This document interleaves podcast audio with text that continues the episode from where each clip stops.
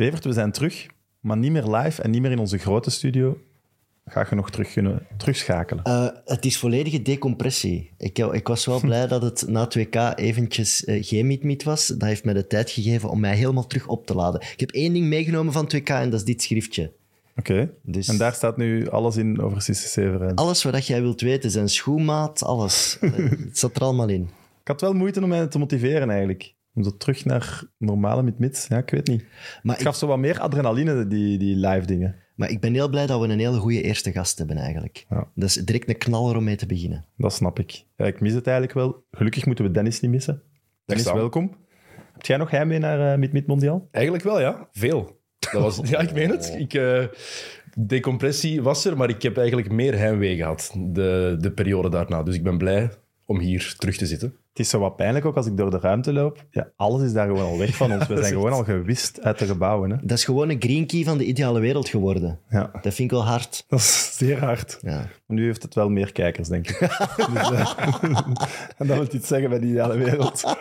Goed, we nemen op op woensdag. Uh, als de mensen kijken of luisteren, zal het waarschijnlijk wel al donderdag zijn of nog later. Het is dus de gouden schoen vanavond. Wij weten nog niet wie wint. Nee. Op wie heb je gestemd? Want je mocht wel stemmen. Ik heb gestemd op Mignolet, uh, op Tresor en op Thuma. Maar... Wat jij lacht al? Ja, dat is gewoon uh, mijn stemformulier. Oh, voilà, kijk maar, dan zijn wij toch eh, gelijk in iets. Ik denk dat heel veel mensen op die drie hebben gestemd. Maar ik moet wel zeggen, aan de Gouden Schoen... Uh, ik had een uitnodiging verwacht. En... Ja, dat was mijn volgende vraag. Gaat je straks? Nee, nee, nee. Ik ben niet uitgenodigd. Dus ik, ja, ik vind dat wel jammer, want ik wil graag toch eens tussen al die chique mensen van het voetbal rondlopen. En ik had graag nog eens mijn trouwkostuum aangedaan. Kan dus ook niet. Dus ja, ik vind het wel jammer. Ik ben ook niet uitgenodigd. Ik mag wel meegaan als plus one van Sofie, maar... Dus jij gaat aan de anderlichttafel zitten? Uh, een en, uh, een verre, denk ik. Wel leuk voor de Gouden Schoen. Ik heb heel leuke Gouden Schoen weetjes voor tijdens de aflevering met de gast. Oké, okay, heel is wel uitgenodigd en jij bent niet uitgenodigd, Sam. Ja, die heeft een belangrijke functie bij Anderlecht, dus die plaats eigenlijk. Maar is het een boycott omdat wij de Gouden Krok hebben opgericht, denk je? Of heeft het daar niks mee te maken? Ja, ik denk als de, de, Gouden Krok vanavond ook live zou worden uitgezonden door PlaySports... Neemt mee? Dat, dat we natuurlijk heel veel, allez, dubbel zoveel kijkers zouden hebben. Dat is misschien iets waar ze voor vrezen voor 2024. Dat snap ik. Neemt hij alsjeblieft mee vanavond, Sam. Ja, dan zie ik heel met die krok. kan ik niet echt maken. Goed, uh, onze gast van vandaag scoorde het laatste doelpunt voor een Belgische ploeg in een Europese finale en is volgens Transfermarkt de all-time topschutter van Royal Antwerp FC. Welkom, Sisse Severijns. Hey!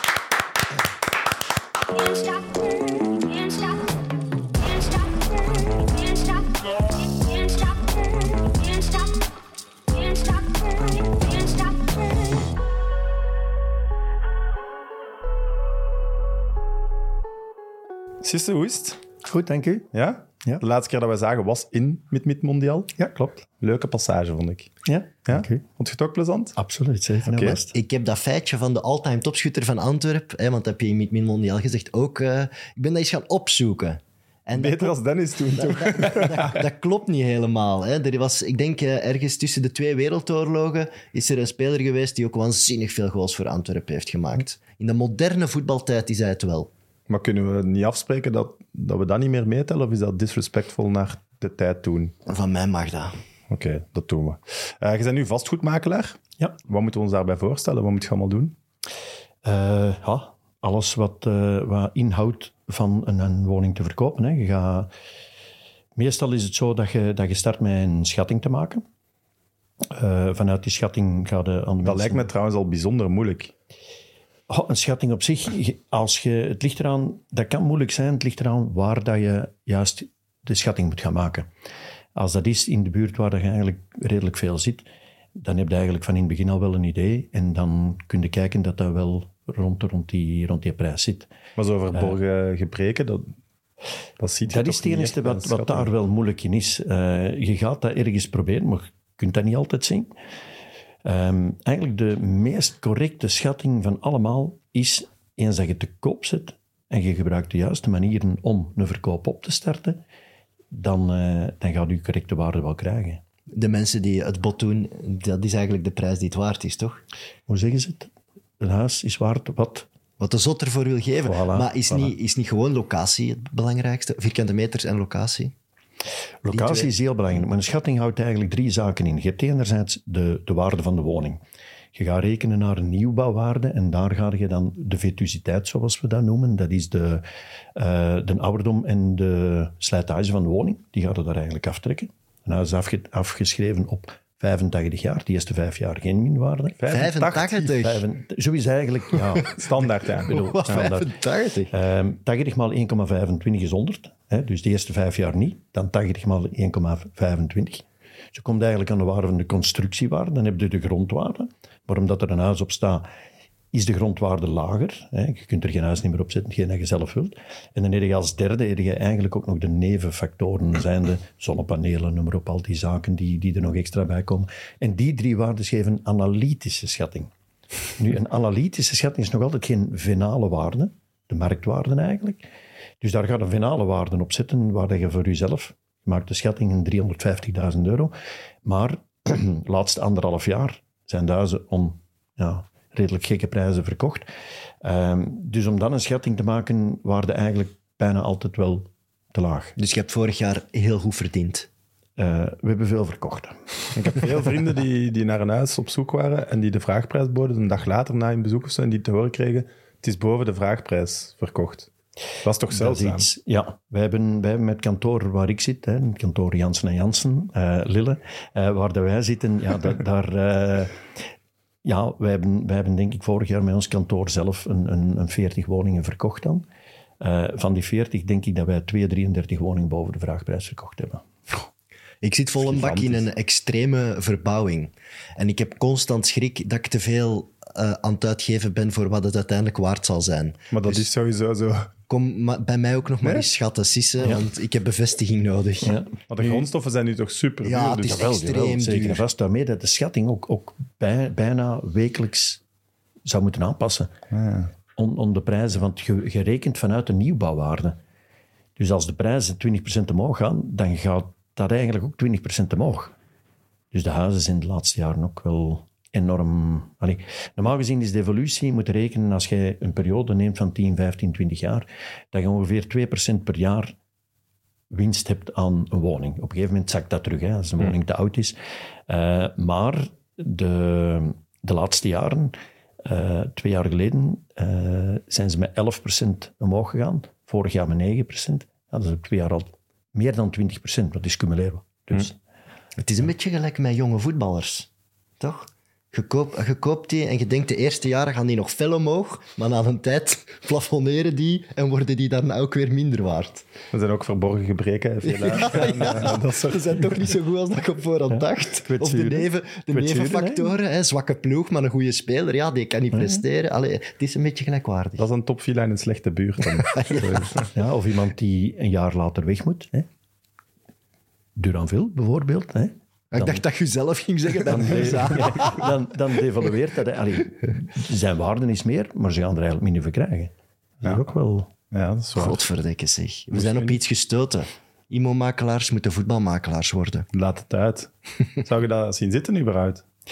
Ik heb destijds dikwijls de de vraag gekregen. Omdat ik, Ja, ik vind je eh, wel geloofwaardig overkomen. Ik weet niet waarom. Maar Ja, ik heb, eh, ik, ja, ik heb eh, ja, verschillende ploegen, hè, dat zullen jullie misschien wel weten ondertussen. eh, verschillende ploegen geweten. En zowel op Antwerpen destijds hebben ze dat gevraagd. eh, in, in Oostenrijk ook. Ehm, ik spreek Spaans, eh, Italiaans, Frans, Duits, Engels. Dus ja, dan kom je ook al wel Hola, op... ¿qué tal? Muy bien. we hebben nu in 2017 trouwens op tv kunnen zien. Huizenjagers. ja, klopt. Twee keer. Ik heb twee keer meegedaan. Oké. Eerste aflevering van terecht? Allemaal heb ik meegedaan. Eh dat is waarschijnlijk een beetje een publiciteit moeten maken toen. Eh, en de vijftigste, dat was de ju- jubileumeditie, dat was de, de BV-editie.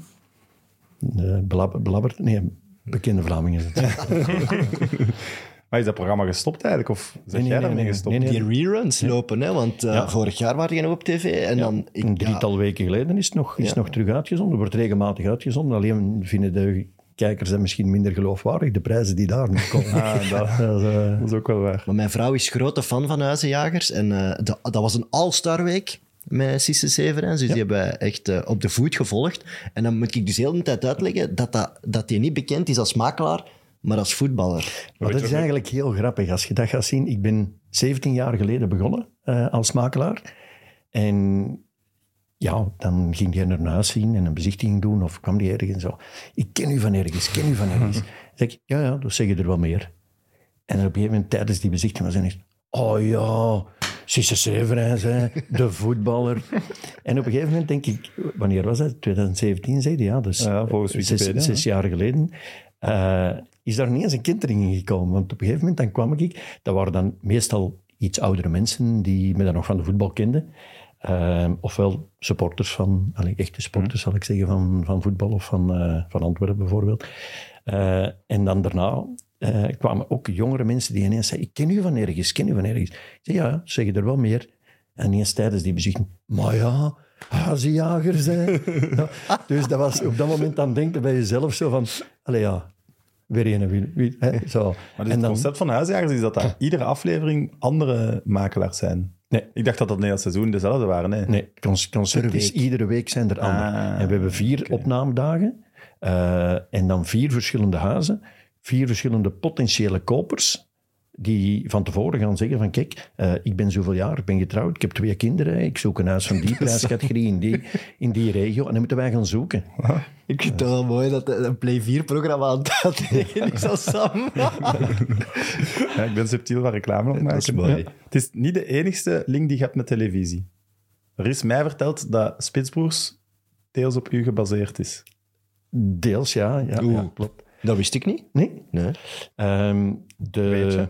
De maker ervan, of de schrijver ervan, ik weet het niet juist, eh, is de broer van Van Oefkes, Ja. klopt. De, ik denk schrijver en maker. Christophe zo, ja. Hoefkens. Christophe, ja, klopt. Ehm, en op een gegeven moment belde hij mij op. Hij zegt, Sisse, ehm, ja... En dan legt hij heel allee, het, eh, het, eh, de serie uit, hoe dat het eigenlijk zou moeten komen. Maar we hebben nog wel een paar anekdotes nodig. En eh, wij denken dat jij ook wel iemand bent die het toch wel wat meegemaakt hebt in het voetbal. Dus En wij zijn anekdotes er- is dan, om het wat te staven, zijn we, blijven we realistisch of worden we onrealistisch? Of is dat echt nee, inspiratie nee. voor het verhaal? zaken die, die je effectief hebt meegemaakt met voetbal. Hè? Zo, nee? Dus, dus het, het, het verhaal op zich van, van Spitsbroeders is, is wel bekend, denk ik. Hè? De, de, de betere voetballer die uiteindelijk niet bereikt hetgeen dat hem zou moeten bereiken. En de iets mindere voetballer die bereikt veel meer dan hem zou kunnen bereiken. Ehm, en Christophe heeft op een gegeven moment gezegd, eigenlijk was dat bij ons ook. Ik was beter dan mijn broer. dus zo is dat eigenlijk gekomen. Daar is dat dan op gebaseerd. En op een gegeven moment belde mij en vroeg van, eh, kun jij eens langskomen in de studio? Goed. En wie was er nog? Eh Gunther Schepens en Frederik Dupré. Dus wij waren er met drie. Een goede drie, eh, drie, Dus trio. drie die blijkbaar, allee, waar dat ze van dachten dat die wel iets zouden meegemaakt hebben. Dus het eerste wat daar Geef kwam... geen ongelijk. Moet ik al iets drinken? Oh ja, ja, is goed. En ineens stonden daar 15 blikjes bier. dus ze hebben ons eigenlijk vol bier gegoten. En eh, dan kwamen er uiteraard wel nodige verhalen. Dus al die verhalen in de versus, dat waarde jij. Ja, van de verhalen, het is nu heel grappig omdat je over, over de versies begint. Ehm, op een gegeven moment is er een, eh, een fragment waar dat ze eh, op afzondering gaan. Hè, dat ze een nieuwe trainer hebben, ze gaan op afzondering en ze zitten in... op een gegeven moment, s'avonds gaan ze naar de versus. Eh, de dag daarna, ja, s morgens tot vijf, zes uur weggegaan. Ehm, en dan moesten ze gaan lopen in het bos. En dan gaat ehm, Louis Talpe, gaat op een gegeven moment is hij daar boven te gelopen, want die neemt maar een paar uurtjes geslapen. En dan ziet hij daar een jonge dame, eh, begint hem daar tegen te praten en dan gaat hem de band rond de hond doen. De GPS. De, ja, het, het, het dingen, hè, de, hartslag. de hartslagmeter eigenlijk. Hè. En dan smijt hij iedere keer die stok weg. En dat is bijvoorbeeld een verhaal dat... Dat heb jij gedaan. dat ja, ongeveer. Hè. Wij, wij moesten spelen... Maar een hond heeft een totaal andere hartslag als de mens. jawel, maar, maar, maar dan, dan komt het leuke aan het verhaal. Dus op een gegeven moment, eh Frankie van der Elst was onze trainer. En wij hadden een wedstrijd gespeeld. Dus het is bij GBA. Ja, ja, ja. Eh, we hadden een wedstrijd gespeeld en ja, we hadden gewonnen. En na de wedstrijd, ah jongens, proficiat. eh weet wat zei? Ik ga jullie een dag vrijgeven, maar ik ga jullie eigenlijk niet echt een dag vrij. Je moet niet naar de club komen. Neem dan al uw hartslagmeter, ga drie keer de 20 minuten lopen. Eh, en effectief ook weg geweest. Het was niet naar de versus, maar effectief ook wel weg geweest. En, en ja, vijf uur, zes uur, denk ik, ergens ook thuisgekomen. Redelijk zwaar hoofd. S'morgens eh kinderen. Dus die stonden nogal snel aan bed, waardoor dat ik ook heel weinig geslapen heb. Dus hoe moet ik dat oplossen? Ik moet gaan lopen en eigenlijk weinig zin in. En ik had een Dalmatier. Dus wat heb ik gedaan? Wij gingen, als wij de hond uitlieten, gingen wij altijd met de fiets de hond uitlaten. Omdat de Dalmatiër ook niet jachthond en die loopt toch wel redelijk wat. Ehm, dus op een gegeven moment, ja, toen ik die een hartslagmeter rond de hond en ik rijd naar mijn ouders, dat is 7 kilometer. Ongeveer, denk ik, een, een 25 minuutjes dat wij er naartoe met een hond. Ik in de fiets, de hond ernaast. Uh, zijn we erachteraan gekomen, hebben daar 20 minuutjes, een half uur gezeten. Terug weg. Dus wij hebben twee keer de 20, 25 minuutjes ongeveer. Dus een hartslag van een hond ligt veel hoger dan die van een mens. Dus op een gegeven moment, de dag, de dag daarna, uh, smiddags tussen de twee trainingen door, gaan wij, gaan wij eten. En uh, Frankie staat recht en zegt, ja jongens, um, dat gaan we dus niet meer doen. En iedereen nou kijken, ja, het is, het is gedaan. We gaan iedere keer zondags morgens wel bijeenkomen om op de club te gaan lopen. Want de helft één niet gelopen. Hartslagmeter, er staat niks op. Uh, de andere, helft, eigenlijk. de andere helft die heeft wel gelopen. Ze zei, maar ik wil toch één speciale vermelding geven. Sisse, ongelooflijk als je na een prestatie als gisteren, waar je toch heel de wedstrijd gespeeld hebt, dat je dan uh, die, allee, dat, dat, ritme nog kunt aanhouden van twee keer 25 minuten te gaan lopen om zo'n zware hartslag. Ik zeg, ja, eerlijk gezegd, ik zou liever deze namiddag thuis huis gaan, want ik ben nu wel moe. dus, dus dat is effectief een, een verhaaltje van...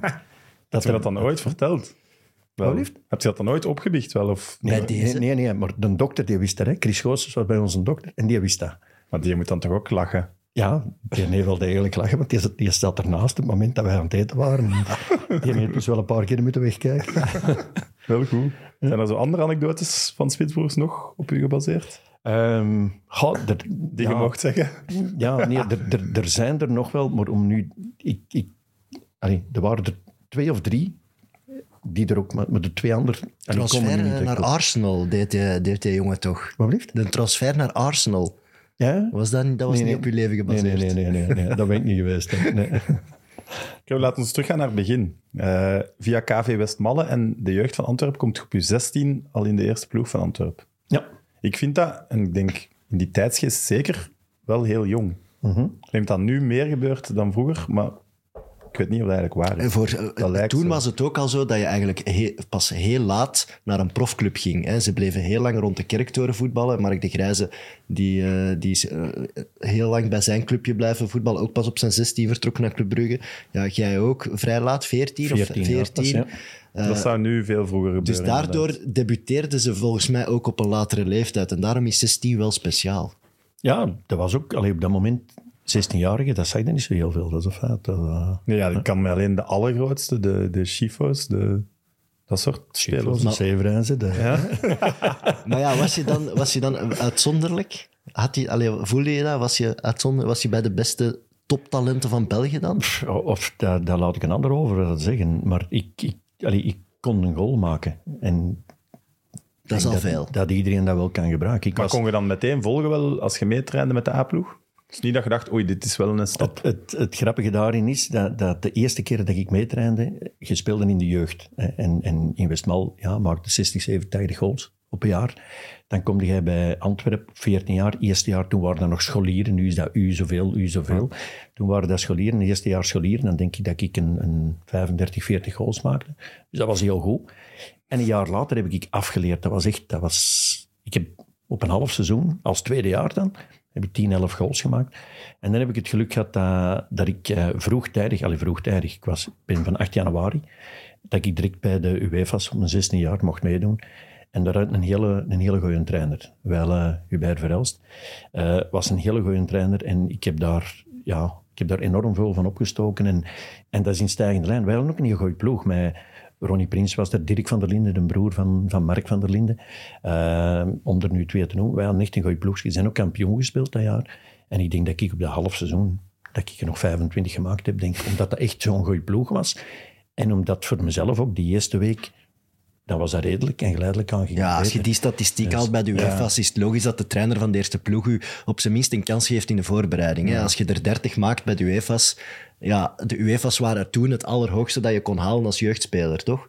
Ja, de UEFA's was net onder de reserve ja. eigenlijk. Hè. Maar op dat moment met de UEFA's en dan 16,5, dan heb ik... Uh, want ik heb mijn eerste wedstrijd gespeeld juist het moment, ik denk dat ik twee of drie dagen 16 jaar was, heb ik mijn eerste wedstrijd gespeeld, wel een vriendenwedstrijd. Die staan niet in de boeken.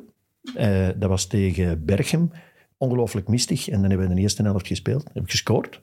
En eh, dat is nooit, in, eigenlijk nooit opgenomen, omdat wij onder de rust is die match eh, afgelast. Was dat al En is die onder dan Kessler? herspeeld of wat? Wat lief? Is die dan herspeeld? Dat was een vriendenmatchje, hè? Ah, oké, vriendenmatch. Was dat onder Kessler al? Nee, nee, dat was onder Leon Nollet. Ah ja, Ah nee, Arihaan. Sorry, Arihaan was dat toen. Mooi. Is Ariane ooit trainer daar geweest? Ja, ja, ja. Hij is van, van, van Antwerpen. Nee, eigenlijk zijn debuut gemaakt als trainer bij Antwerpen en is zo naar Anderlecht gegaan, onder de winterstop. En dan is Leon Olé gekomen. Oké. Dus. En ik vond Ariaan geen goede trainer, terwijl het eigenlijk de beste trainer is misschien die ik gehad heb. Ja, Dat hoorde vaak. Dat heb je hier al vaak gehoord. Dat, De eerste trainers, hè? Ja, nee, nee, dat, dat mensen op het moment zelf als ze ermee zitten, dat ze, dat ze er ja, een slechte Nee, relatie hebben. mij. Achteraf, Dat lag aan mij. Dan dat bedoel zeggen ik- ze ook altijd. Ja, dan bedoel ik gewoon, op dat moment, je bent, je bent 16 jaar en, en ja, in, in de reserve gemaakt en dan wat goal, in de WFA's gemaakt wat goals. En, en dan hoopte ook van, ah, ik wil daar wel eens bij zijn. En dan kom je daar wel bij, maar, maar je zit meestal op de bank. En dan denk je van, verdorie, hè. Allee, ik zou wel graag meespelen. Dus op dat moment zeg je eigenlijk, ja, het is geen goede trainer, maar ik mag, mag niet meedoen. Nee, klopt. Maar eigenlijk is dat... Ariaan was ook, geen, was ook geen makkelijke man, hè? Nee, ik vond dat nu ook niet de beste Ja. Anderlecht trainer of zo. Dat was ook geweten, toch? Dat Ja, dat wel, jawel. wel iemand was met een eigen gedachte en een eigen mening en eh, die zijn eigen weg ging. Ja. Was wel iemand die, die, die ging met de spelers altijd mee, mee weg. En hij, zei, allee, Feesten dan? Of? ja. Oké. Dus als ze, maandagavond was dan de, de uitgangsdag van de, de kappers en de kapsters en de voetballers. Zo. De carré op maandag? Ja, voilà, zei onder andere, ja. Ehm, en Ariaan, die ging altijd overal mee naartoe. En die was altijd de laatste. Waarschijnlijk om te zien wanneer de rest naar huis ging, maar hij was altijd wel de laatste. Ja, je kunt nu moeilijk een speler verwijten als je daar zelf nog zat. Ja, Maar en als je zegt, eh, achteraf gezien een van de beste, waarom dan een van de beste? Omdat hij is wel tactisch... eh, de, allee, ik vind een trainer die moet alles hebben. Ehm, je kunt tactisch enorm sterk zijn, maar je kunt tactisch voor een wedstrijd sterk zijn, maar ook tijdens de wedstrijd wisselen. Dat is heel iets anders dan ik van tevoren zeg, ik ga het zo en zo doen. Een wedstrijd lezen eigenlijk. Voilà. Ja. Dus dat is één. Ehm, je moet psycholoog zijn. Je moet met de mensen kunnen praten en zien dat je ze tot En een dat kon hoger- Haan? Dat kon hij ook wel, ja. Tot een hoger niveau verbaasd, brengen. Ehm, en qua trainingen, die gaf ongelooflijk goede trainingen. Dus Ja, die had ja, die, eigenlijk die, had alles. zelf, allee, die had zelf het allerhoogste niveau gehaald. Maar ik- het, inderdaad, wat jij zegt van mee uitgaan, was wel... eh, Hij is altijd wel speler gebleven. Hij is heel lang speler willen blijven. Zelfs als hij trainer was, dat hoorde ik wel vaak bij hem. Ja, maar je ja, hebt maar toch fantastische mee, coaches... je, hebt toch fantastische coaches gehad? Jawel, jawel. Absoluut. Dat is, eh, Maar wat je ook heel dikwijls hoort, vind ik, als, als je met, met ex, allee, ex-voetballers of, of voetballers praat, eh, die, allee, die toch in allee, eerste klasse en dergelijke gespeeld hebben, dan zie je ook dikwijls de, de trainer, de eerste trainer die je op nationaal niveau hebt gehad, dat dat heel dikwijls uw, dat ze zeggen heel dikwijls, dat is uw beste trainer. En dat is waarschijnlijk omdat dat nieuw is en omdat je daarna altijd één, vergelijkingen maakt en twee, ook meer verwacht dan hetgeen dat je daar hebt. Snap ik. Dat snap ik ook. Ja, je zei het al, je maakte wel heel veel goals. Op je twintigste ook al topschutter. Wie was toen de, uw concurrent voor de topschutterstitel? Mark de Grijze. En waar zat die toen? Anderlecht al? Nee, Bruggen al. Nee, Brugge. Ja. Oké. Maar dat is wel zot, hè, op je twintigste. Ja. ja. Ik ben denk ik nog de tweede jongste. Hè. Lukaku is de jongste topschutter. Hè. Die was, Lukaku, die was wel nog een pak jonger dan 20. ja, Ja, Lukaku was 17 17 of 18 jaar. 17, ja. Ja, 17, ik denk 17 jaar zelf. Maar ook dat Antwerpen was wel gewoon ook een uitzonderlijk goede ploeg, waar dat jij wel van kon profiteren. Allee, als je dat middenveld zag met Leenhoff en Van Rooij, ik denk dat dat misschien een van de sterkste middenvelden was van, allee, van de jaren 80, 90. Maar Terwijl moet ik- Antwerpen dan op dat moment als een echte topploeg Die België ploeg zijn? wel. Ja, van dat ja. jaar wel. Wij hebben het kampioenschap verloren op KV Mechelen. Met waterballet toen. Ja. Ik weet niet of je dat herinnert. Of Ik heb- ik nog heb te die jong? beelden gezien, ja. Ah, dat was echt... Mark de Grijze krijgt daar een rode kaart voor een tackle op, op eh Ley. Eh, die schoof daardoor, die schoof 15 meter door. En die, zo komt hij eigenlijk in contact met, met Ley. Eh, en ja, die krijgt een rood, zes weken. Harry Knops was toen, eh, want jaren ervoor speelde altijd eh, Mark van der Linden Harry Knops van voor. Dus ik heb de plaats van Harry dan ingepakt. En dan is Harry met mij van voor komen spelen. En de tweede wedstrijd dat hij bij mij van voor speelde, heeft hij zijn sleutelbeen gebroken. Dus was ik als 20-jarige, was hij niet eens de spits. Dus daar, allee, we hadden geen andere spits. Dus we zijn een klein beetje anders gaan spelen. Maar daar hebben wij... En dan derde, derde was ook Frans van Rooij. Eh waanzinnig, misschien wel de beste speler waar ik ooit mee gespeeld heb. Ehm, die, eh, die had een liesblessure. Liesblessure, eh ja, pubalgie eigenlijk. Waar dat je heel lang mee kunt spelen, maar dat je wel heel veel last van hebt. En eens dat je opgewarmd bent en goed opgewarmd, dan valt dat wel mee. Maar daarvoor heb je daar heel veel last van. En Frans was dat die lange bal. Die was altijd perfect. Ik moest gewoon lopen en op een gegeven moment lag die voor mij. Eh, ja, ik moest eigenlijk gewoon moest tegen, tegen de bal trappen. Eigenlijk, eigenlijk moest ik niet meer met me doen. Maar dat was, dat was Frans. En daar hebben wij, met die drie factoren eigenlijk, zijn wij, anders hadden wij altijd kampioen. Wij zijn uiteindelijk samen met Mechelen, maar Mechelen had, had een match meer gewonnen, denk ik. Eh, zijn wij uiteindelijk derdes op twee punten van Club Brugge. Ja, 19 wedstrijden ongeslagen aan het begin van het seizoen. Ja. 19 ongeslagen. Herfstkampioen. Ja. Eh, fantastisch draaiende voorlijn. Met Leno van Rooij, Severens Knops van der Linden. Dat is toch ja, zonde. Ja, en toch, en toch Evert, een jaar daarvoor hè, was Leon Olé nog trainer. Ja, Leon Olé was trainer. En wij hadden de eerste 13 match hadden wij drie punten. Dus dat was nog een twee-punten systeem. We hadden drie punten. Dus wij stonden stoklaatste. En de laatste wedstrijd van Nollet was tegen Berchem. En wij verliezen tegen Berchem. Die stonden toen mee met ons laatste. Zo. Eh, wij verliezen die wedstrijd en uiteindelijk stonden wij stoklaatste. En dan is Kessler gekomen. Zo. En die draait het dan ineens om. En ja, ehm, en op dat moment, met, stond ik in de ploeg. En Kessler is gekomen, ik ben eruit gevallen. Dat is eigenlijk een, allee, een verhaal op zich. In, eh, Kessler kwam eraan en die ging met de, de tenoren van de ploeg, hè, eh, ging die dan praten. Dat was dan eh Berry van Aarlen nog, Ja. hè, rechtsbak van eh, PSV later, nationale ploeg ook heel veel gespeeld. Ehm, Mark van der Linden, ondanks dat hij eigenlijk nog een vrij jonge kerel was toen, Ehm Danny Koekenkoor, noem maar op. En wat werd er dan gedaan? Wij gingen op veld, de eerste training. En hij zegt van, wie zijn de vier verdedigers? Oei. Wie zijn de vier middenvelders en wie zijn de twee aanvallers? Maar we speelden met drie aanvallers. Hè? En zei, wie zijn de twee aanvallers? En ik ging niet mee naar voren. Dus Harry Knops en Mark van... Oh, waarom niet? Je Ja. durfde niet. Ja, was ik ze- Ja. 17, 17 18, 18 jaar. Dus op dat moment dan was dat zo van, ja, oké. Ja, dus en, dan zijn wij zondag gestart en ben ik op de bank gestart. Maar dan hebben wij, geloof ik, in de, vol, in de resterende 21 matchen, want 18 ploegen, zeven, allee, 17 maal 2, 34. Dus in de volgende 23 matchen hebben wij, denk ik, eh 23 punten gehaald. En we zijn uiteindelijk twee matchen einde of zo, hadden wij zekerheid over eh, in eerste klas blijven. En toen, dat jaar, Frans van Rooij was er al bij, Barry van Aaren is weggegaan, Jan Poortvliet is gekomen. Waanzinnig gespeeld. Die heeft eigenlijk de, de groep gevormd. Daarvoor was dan de, de eerste allee, beginselen om, verder omhoog te gaan. Maar eh, Jan Poortvliet was verdedigende middenvelder. En die heeft eigenlijk de, de link tussen de oudere spelers en de jongere spelers, die heeft gelegd. Die heeft daar de basis gelegd dat iedereen overeenkwam. Want het jaar ervoor waren dat echt twee partijen. Je had de oudere en je had de jongere spelers. Zo. Ik heb, een, ik heb een, een prachtig artikel teruggevonden. Ik ga zien, want ik heb er een foto van genomen. In die eh, een streak van 19 overwinningen, alleen 19 keer ongeslagen op rij, kloppen jullie thuis Anderlecht. Ja. Met 2-0. ja. En eh, er zat 40.000 man op de Bosuil volgens de krant. 40.000. Ja, ik, denk, ik, denk zelf, ik denk zelf dat daar 45.000 man was. Ja, dat wordt geschreven dat ze niet exact verkocht. konden zeggen hoeveel dat er waren, omdat er waren eigenlijk maar 31.000 tickets Mochten er binnen, hè? Maar er zat veel meer Er volk. veel meer volk. Maar absoluut. 40.000 man op de En, Bosuil. en, en een paar weken later moesten wij tegen Beerschot, zat er meer dan 30.000 man ook. Zo, ja.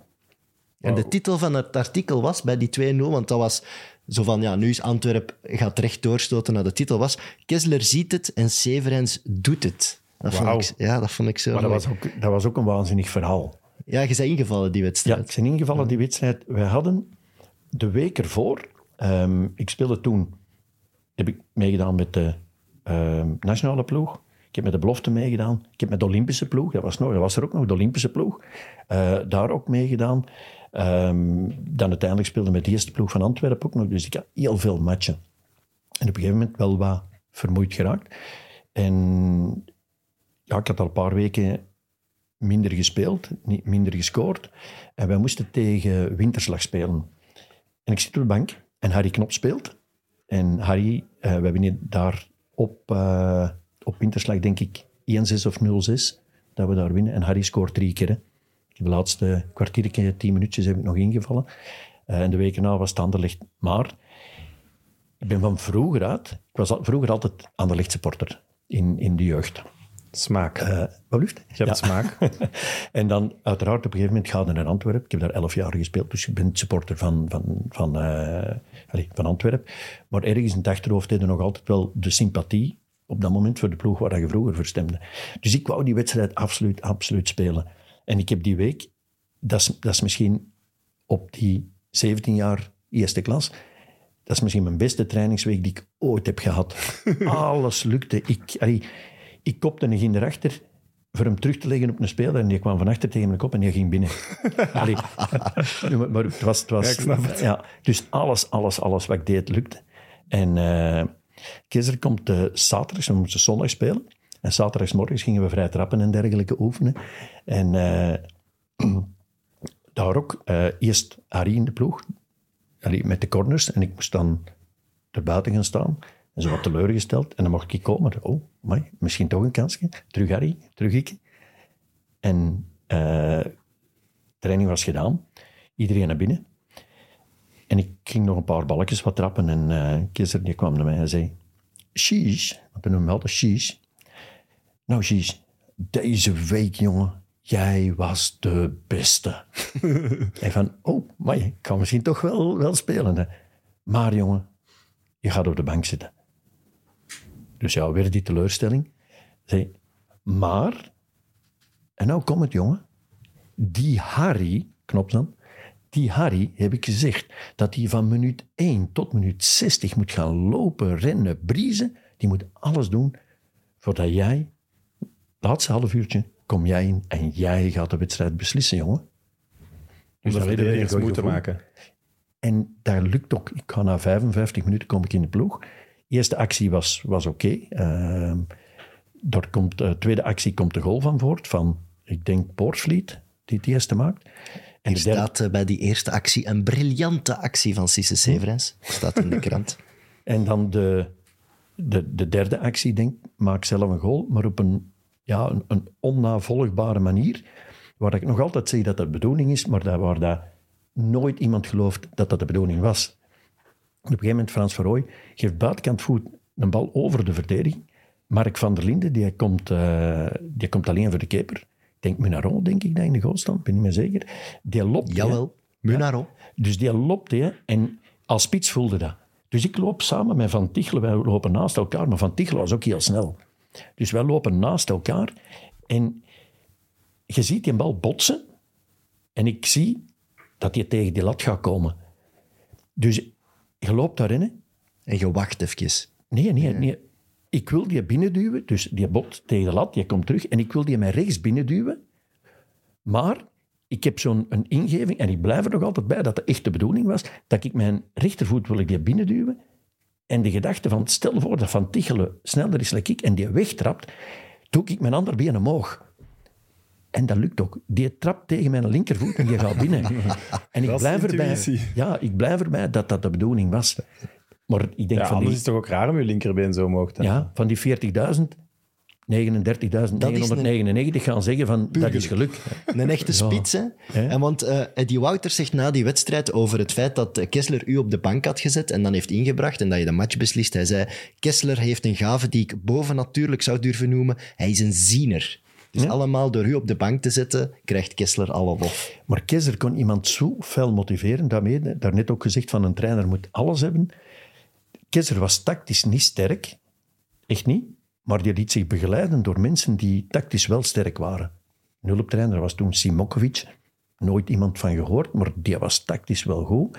Um, en verder, Wim de Koning bijvoorbeeld, op het moment dat hij op de bank zat, Wim, die was constant ik heb het aan Wim te danken dat ik in de ploeg gekomen ben in de voorbereiding. Ja. ja, wij speelden tegen Germinal Ekeren, toen nog derde klas. Ehm, en ik moest starten omdat Harry Knops was, was gekwetst. Eh, of zat, of zat op de bank, dat dat allee, wisselwerking was. En eh, een jaar daarvoor ehm, speelde ik met Nollet op Waregem. Wim de Koning was toen bij Waregem, het gooi Waregem. Hè, het waren allee, heel goede uh, ploeg hadden die. En ik val na twintig minuten in, omdat Harry op dat moment gekwetst was. En ik speel daar eigenlijk een heel goede wedstrijd. Uh, maar ik ga de laatste twintig minuten ga ik er terug gekwetst af. Dus maar um, Wim de Koning zit naast Keizer. En Keizer was altijd eigenlijk heel negatief op mij. Ieder actie dat ik deed, was hij negatief. Sheesh. Omdat hem, sheesh, sheesh, omdat hem altijd in het hoofd had. Uh, ja, Knops van der Linden, dat is mijn voorlijn. En Wim de Koning zei op een gegeven moment zo... Hij is ja, trainer, maar dat is een enigste voetballer, en hij is dan nog maar 18, 19 jaar, dat is een enigste voetballer die heel de verdediging van Waregem zot gekregen heeft op een wedstrijd. Dat heb ik voor de rest niemand. Wij hebben tegen Milan gespeeld, tegen Hajduk Split gespeeld. Er was geen enkele speler dat kon. En hij wel. Eh, ah, oké. En de volgende actie. Nou, dat doet die jonge, dat doet die jonge kerel wel goed. Dus hij had wel respect ja, voor de koning en daardoor... Ja. En, ja. en zo ben ik dan eigenlijk een week, een week daarna, moesten wij tegen Gremio Porto Alegre dus spelen. Wim de Koning ziet het, Sis hm? Severens doet het. Ja, echt, die Kessler die krijgt hier weer alle lof. Wat is dat bovennatuurlijke gave manol? Wim de Koning, ja. die ja. heeft een bovennatuurlijke Dus Wim, bij deze bedankt. Voilà. Bij deze bedankt. Ja. Uh, er is een bekende Antwerp fanpodcast, De Vierkante Paal.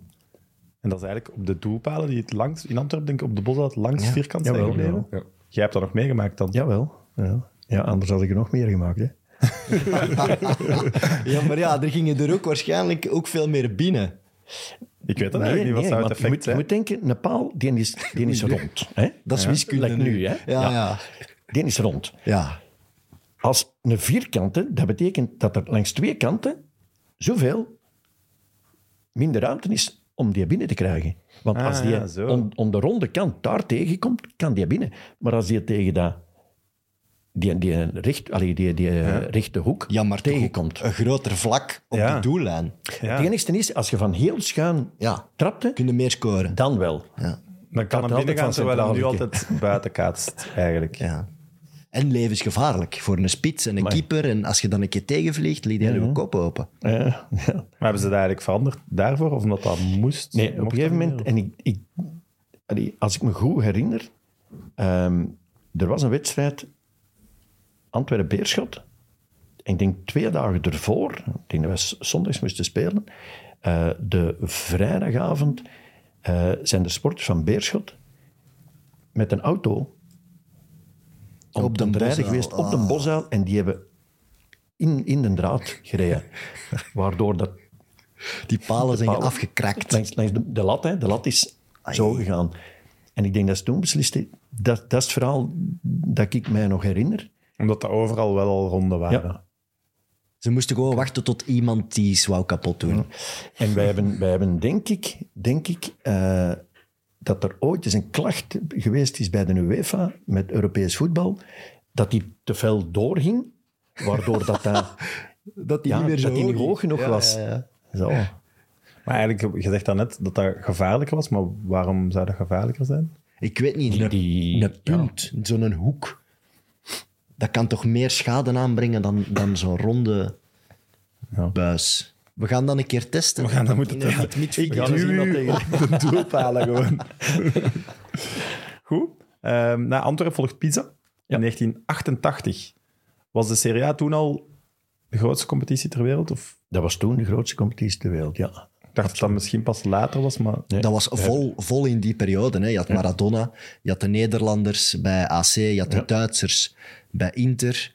Eh, ja, dat was Ja. de, de piekperiode van de, van de Serie A. Alleen ja, Pisa was wel een ploeg. Je wist dat je ging voor de degradatie vechten. Ja, ja, jaar ervoor in tweede klas.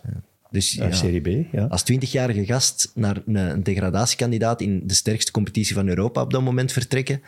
Eh, in een competitie, eh, elke buitenlander telt. Het telt eigenlijk dubbel, want je mocht maar drie buitenlanders kopen. Dus zij halen de Belgische topschutter. Zij denken, yes, dat wordt onze man die ons gaat redden. Allee, voor een 20-jarige gast lijkt me een waanzinnige druk in zo'n sterke competitie. En buitenlander was, want dat werd later niet Europeaan, maar dat was toen echt gewoon niet toen- Italiaan. Ja, Ja, ja. je mocht er maar drie opstellen. Weet je er hadden twee er drie. waren? Eh, Mario Been. Mario Ja. Been, ja. Ja. En de andere zou ik echt niet weten. Peter Elliott. Ken ik niet. Nee, was ook niet... Was ook, ja, was ook niet echt bekend. Dat kan ik niet. Dat was een beenharde verdediger. Ah ja, Meter 95 groot. een Brit. Een, ja. En dus dat was de derde buitenlander, maar die was gekwetst en had zijn kruisband gescheurd. Dus ofwel moesten ze die wegdoen voor een derde buitenlander, anders niet. Zo. Ja. Die ben door die ploeg aan het gaan. En de grootste naam, ja, Mario Been, die kennen we inderdaad. Eh, maar Massimiliano Allegri ook. Ja. Dat is eigenlijk de grootste naam voor ons nu, denk ik, voor onze generatie. Die was toen 21 jaar. Ja. Ah, Voor de rest is dat een ploeg mee waar niet heel veel ronkende namen in zitten. Hè? Nee, nee, nee, nee, nee want wie, wie gaat er daar nog kunnen kennen? En dan ga ik naar u even. Kwogi Ja, gescoord tegen, tegen u. tegen ons, ja, de derde goal, de 3-1. Die Dus scoort eh, is- voor Parma de derde goal op Ja. Wembley. En die was voor de- toen uw ploegmaat Ja. bij Pisa. Voor de, rest, voor de rest is daar eigenlijk niemand. eh, maar Massimo, ja, Massimo, als hem het moest horen, die moet mij nog altijd 100.000 leren. Wat? Ja, dat is niet veel, want dat was toen maar 3000 Belgische frank.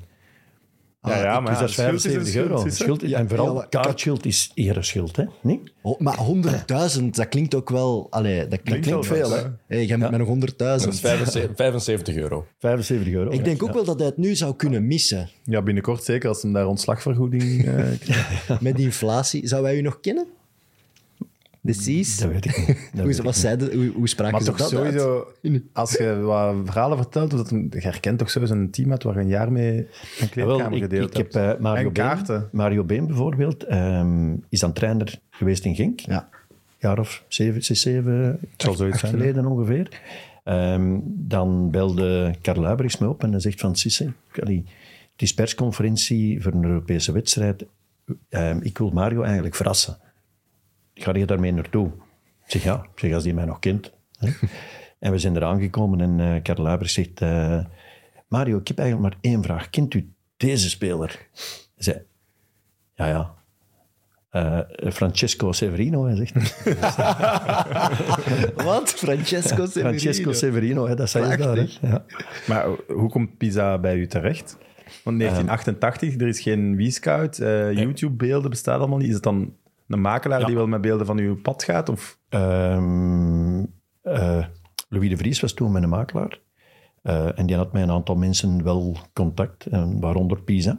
Maar die moeten toch ook aan het begin van zijn carrière, makelaarscarrière gestaan hebben? Ja, maar, maar Pisa, daar, de, de voorzitter, is ondertussen al, al gestorven, Romeo Anconetani, was een volledige gek. Die- Altijd die- mooie ja. namen, die Italianen. Een volledige gek, dat hoor ik graag. Ja, dat is nog, je hebt een gek, maar ge- nog wel. Dat, dat was eh, ja, een hele speciale. En die is op een gegeven moment die, een wedstrijd komen kijken en dan spelen we tegen Winterslag. Maar nu thuis tegen, ik heb daar net gezegd Winterslag uit. Hè. Ehm, was thuis tegen Winterslag en dan winnen wij 6 en dan scoor ik drie keer. En die wou mij. Ja. En die heeft geregeld, en, en dat is heel het ding, die heeft kunnen regelen via een Italiaanse minister dat ik van mijn legerdienst, dat ik drie jaar uitstel kreeg van legerdienst. En daarom ben ik naar daar gegaan. Amai. En dat is wel mijn heel het? Augusta-dossier. Dat is echt waar, mijn heel het Augusta-dossier. Dus Ah, dat waarde jij. We hebben hem. het, maar maar het, het, het grappige is dat, dat eigenlijk... ehm, ik ben daar toen heel de dag geweest op de NATO. Eh, ben ik heel de dag geweest om s'avonds pas te horen te krijgen dat, dat mijn legerdienst drie jaar ging uitgesteld worden. Zo. Waanzinnig veel commotie achteraf om geweest. Ehm, en eigenlijk zal dat waarschijnlijk op vijf minuten beslissen. Want daar heeft minister eh Komen, of Coem, noemde het, C-O-E-M-E, ehm, was toen minister van Denk Defensie. Die heeft daar met een Italiaanse minister heel het Augusta-dossier besproken. En En, En dan, heb- dan, hebben ze, dan hebben ze twee minuten over mij. Ja, is goed, laat die maar gaan. Zo, dus dat is, Maar heb je eh, dat wel later moeten inhalen of is het er nooit van gekomen? Jawel, jawel. Ah, dat wel. Ja, Ah ja, want er waren er een aantal, zoals eh, bijvoorbeeld eh, Helmut Lotti, die zei van, eh, van, ja, die had ook uitstel gekregen, die is nooit het leger moeten gaan. En hij dat is zegt, toch ja, maar- geen voetballer? ja, maar nee. nee, nee, maar het ging erover uitstel. Waarom, waarom kreeg ik uitstel om mijn carrière verder te promoten? Om, om een unieke Aan kans België, in ja. Italië voor dat te doen. Dus, maar ik ben wel geweest en ik ging met, met gasten die allemaal dan drie jaar jonger waren dan ik. En die moesten maar tien maand gaan. Maar ik heb wel twaalf maand moeten gaan, omdat dat toen nog twaalf maand was. Ah, ja. Een jaar later elf, tien, negen, zo werd dat afgebouwd. Hè. en Dus, die, eh, maar die volledige gek, eh, in welke handel zat hij dan? Want als je de minister van Defensie in Italië kent, dan zet je wel iemand, denk ik. ik zou het niet weten. Zou niet weten waar dat Maar be- betaalde die nu cash met, met zakken, sportzakken of was dat toch maar een overschrijving? Nee, het zal, het zal wel een overschrijving geweest zijn. Dat is, eh, en, en ja, er was ook een, een, een heel ding, want ik ben op een gegeven moment naar, eh, naar de politie moeten gaan. En daar hebben ze me letterlijk gevraagd van, heb jij een, een helikopter, een Augusta, heb jij er een? maar echt waar. Ik zweer het. En had je er een? Heb je er een? Nee, ik zou niet weten waar ik moet Het zou zitten. briljant zijn dat je met een helikopter in dan, regelt. Tekenpremie, gewoon een helikopter. Maar, maar die, die man die dat vroeg van de politie, die kende dus niks van voetbal. En toen was het nog met coëfficiënten. Coëfficiënten, dat ging dan... Stel je voor dat je... ehm, bijvoorbeeld, ik, ik zat in coëfficiënt voor buitenland 14, omdat ik jonger was dan 21. Ehm, en ik had 3 miljoen bruto verdiend, Belgische frank wel te verstaan. 3 maal 14 is, 4, is 42 miljoen. Was, eh, zo, zo werd dat eigenlijk. En voor het binnenland lag die, 1 miljoen lag die euro. coëfficiënt nog iets hoger. En uiteindelijk eh, heb ik... En, maar er zat een, een clausule in mijn contract. Eddie Wouters, die hele slimme mens, die had een clausule in mijn contract waar dat hem zei van bij uitzonderlijke prestaties ehm, kon hem anderhalf miljoen Belgische frank geven aan, aan mij dan. Zo. En hij heeft het aan mij gegeven. Oké. En eh, dat was omdat ik, ik ben dan topscorer geworden, ik ben jonge profvoetballer van het jaar geworden. Eh, maar dat betekent wel, maal, ik was niet maal 14, maal 12 was, dat betekent wel dat ineens met een transferprijs met 18 miljoen omhoog ging. Dus ze hebben, ze hebben is- tijd, maar het kwam, uit- het kwam eigenlijk uit in zijn totaliteit dat ze eh 42, zo was 42 miljoen betaald hebben. Dus miljoen anderhalf miljoen was dat dan... allee, Maar voor die tijd eh, een, eh, een, een promovendus in Italië een, een miljoen euro leggen, eh, is toch ook veel geld. Maar je zegt, niet. We spreken nog over voor jaren 90. hè? Nee? een Anderlecht of een Brugge Ja. had, had 2 miljoen moeten betalen omdat het toen zo geregeld werd. En Ja. daarom kon je geen binnenlandse transfer doen. Ja, ja. Want er was wel interesse. Er was interesse, ja. ja. En, en ja, een, een van de dingen die, die Louis de Vries bijvoorbeeld ook had, eh, had, had voorgesteld, eventueel aan, aan Anderlecht onder andere, was van kijk, laten we het buitenland en, en zet een clausule. Ge- Geven jullie bij wijze van spreken het geld en geven een clausule dat, dat op die manier dat er een terugkoopsom is waar, dat, waar dat ik dan één jaar of twee jaar in Italië zou voetballen en dat ze daar eh, wat extra voor kregen. Dat was eigenlijk het ding. Dus Oké. ja, en ik moet weten, in, dus 42 miljoen Belgische frank, dat een jaar later eh, ben ik hier dan teruggekomen, ben ik naar Mechelen en hebben ze eigenlijk in zijn totaliteit ongeveer 60 miljoen betaald. Dus, en ik had niet gescoord een heel jaar niet. Nee, ik heb het hier staan. Eh, 26 wedstrijden in Serie A en niet scoren. Nee. Dat is voor Sis Severens een beetje een flop. Was dat echt wel op een sisser afgelopen. Hè? Maar dat ik daar niet van opgekomen. Wauw. Dat is een titel van een Suske en Wisken album. De Sisser van Sisse. Maar dat is toch bizar? Want je hebt wel je kansen gehad. En ik heb ook in dat seizoen gezien, in de Coppa Italia, eh, in augustus en september scoorde je tegen Fiorentina, tegen AS Roma, tegen Hellas Verona. Dus daar liep het wel. Ja. De, in, in Italië was het zo dat een deel van de, van de, de beker van Italië toen werd voor de competitie gespeeld. Dus wij speelden eerst een, een voorronde met vijf ploegen. Dat was dan eh, Fiorentina. Er waren twee eerste klassers, wij en Fiorentina. Met Roberto Baggio onder andere. Zo. Ehm, Ancona was tweede klasse, Virescit was derde klasse en dan was er nog een ploeg van van vierde klasse ook nog. En wij speelden twee keer thuis, twee keer uit. En wij spelen tegen Fiorentina. We winnen daar denk ik 3-1 of zoiets en ik scoor twee keer. Wij zijn eerst uitgekomen, Fiorentina tweede. En de eerste twee van al de reeksen eigenlijk, zo, die gingen door naar de volgende ronde. Dat was ook nog voor de competitie. En daar kwamen wij in, in dingen met AS Roma, Rudy Vuller, die daar zat. Eh, en terug Fiorentina. Eén keer uit, één keer thuis. En we winnen tegen AS Roma, we winnen tegen Fiorentina, waar dat ik weer score. Zo. En de voorzitter van, eh, van Fiorentina, die wilde toen 100 miljoen Belgische frank. Dus dat was eigenlijk meer dan een verdubbeling van de 42 naar, naar 100. Voor u. Op een maand tijd. Zo. En de voorzitter van, van Anconitani die zegt van nee, maar ik ga er veel meer voor krijgen. dus uiteindelijk... Dat is eh, ook een en- sisser. maar hoe dat een carrière eventueel helemaal anders zou kunnen verlopen hebben. Want op dat moment eh, hebben ze Borgonovo, geloof ik, gaan halen van, van AC Milan. En in Italië, je hebt, je hebt de capocannoniere, hè, de topscorer. Maar je hebt ook de, de twee spitsen samen, waar dat ze gaan zeggen van kijk, die twee spitsen samen, die hebben zoveel goals gemaakt. En dat is dan de topscorer, de, de dubbele topscorer of dergelijke. Want in die En- tijd speelde ook iedereen bijna met twee spitsen. Hè? Ja, ja. En toen is Baggio en Borgonovo, die zijn dan, ik zou zeggen, een dubbele topscorer geworden. Beste voorlijn. Dus hetzelfde geld had Borgonovo niet geweest, maar had ik daarbij gestaan. En dan staat Severus er, Baggio. dan staat er bij Baggio. Maar ik bedoel, Severino en Baggio. het had misschien anders kunnen verlopen. Dat, Oh, Sisse zegt dat niet. ja, dat is- Allee, jong. En Blijven dan- jullie er eigenlijk in dat jaar? Nee. nee. En moest je dan weg of wou je zelf ook weg? nee, ik ben eh, naar KV Mechelen gegaan, omdat een jaar later was het, eh, het was het een Europees of het wereldkamp, ik denk het wereldkampioenschap in Italië. In 90. hè. En ik wou Ja. absoluut terug, want dan in tweede klasse ging, ging, ik, eh, ging ik er sowieso niet bij zijn. Dus ik wou absoluut, en ik kwam KV Mechelen, toch wel op dat moment eh, topclub. eh, dan, Op dat moment wel, ja. Ja. Dus, dus ja, ben ik naar KV Mechelen gegaan, het grote KV Mechelen. Hè. Net kampioen geworden ook. hè? Eh, net kampioen geworden. ja, Eh, Europa ja. Cup 1 gingen wij induiken. We hadden nog altijd een ploeg om mee te doen om de titel. Eh Severhuis was, was toch nog altijd ja, de jongste topschutter. Eh, Dus voor KV Mechelen was dat een toptransfer. Je komt ook samen met Philippe Albert, wat op dat moment ook een heel groot talent Bruno was. Versavel. Eh, Bruno Versavel. ja, en eh, we, hadden, we hadden vooraan hadden we Johnny Bosman en Mark Wilmots. Allee, Eliohanna. Eliohanna zat zelfs op de bank toen Polleke de eigenlijk, eh, mesmaker. op dat moment. Eh, Erwin Koeman zat er nog. Eh, dus Maar ik, Het klinkt een beetje als de Mark Belgische Wilmots? Galactico's. Ma-. Michel Mark- Pre- Mark Wilmots? Ja, Mark Wilmots met, met Bosman was de voorlijn. Ja? Ja, het Prudhomme, Kleisters was er ook nog altijd, Koeman was er nog altijd. Ah ja, dat was een waanzinnig sterke ploeg.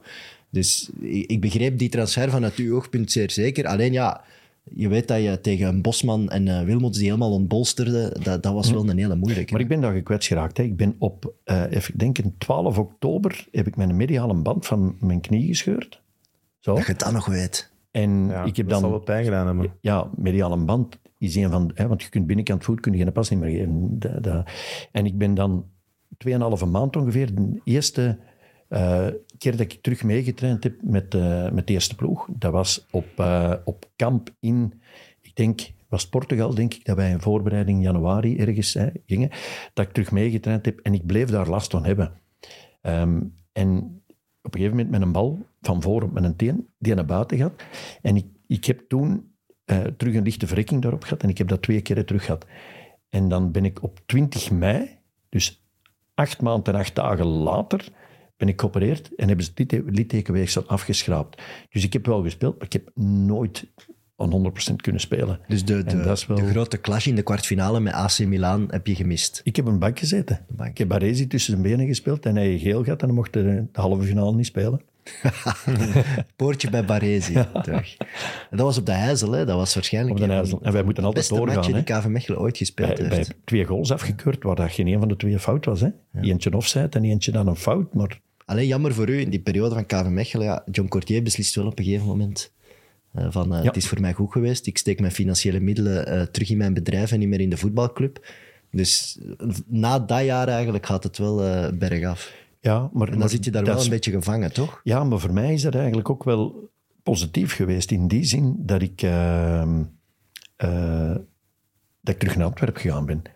En Cordier die haalde het geld eruit, waardoor de Antwerp heeft dat betaald. Die heeft mij één jaar gehuurd. En daar stond er een clausule in van, van dat bedrag. Want jij was eigendom van Cordier zijn firma, of jij was eigendom van KV Mechelen? Ja, dat was zo'n invest. hè. Ja, voilà, ja. Dus jij was echt eigendom van Cordier. Ja. Dus Cordier moest op een gegeven moment geld hebben en, en dan ben ik voor. mocht dat nog. Ja, dat was third-party ownership avant la lettre. Hè. Maar ja, 21 doelpunten op twee seizoenen KV Mechelen, denk ik. Ja. Toch niet slecht, hoor. Ja, en twee bekerfinales gehaald. Hè. Ja.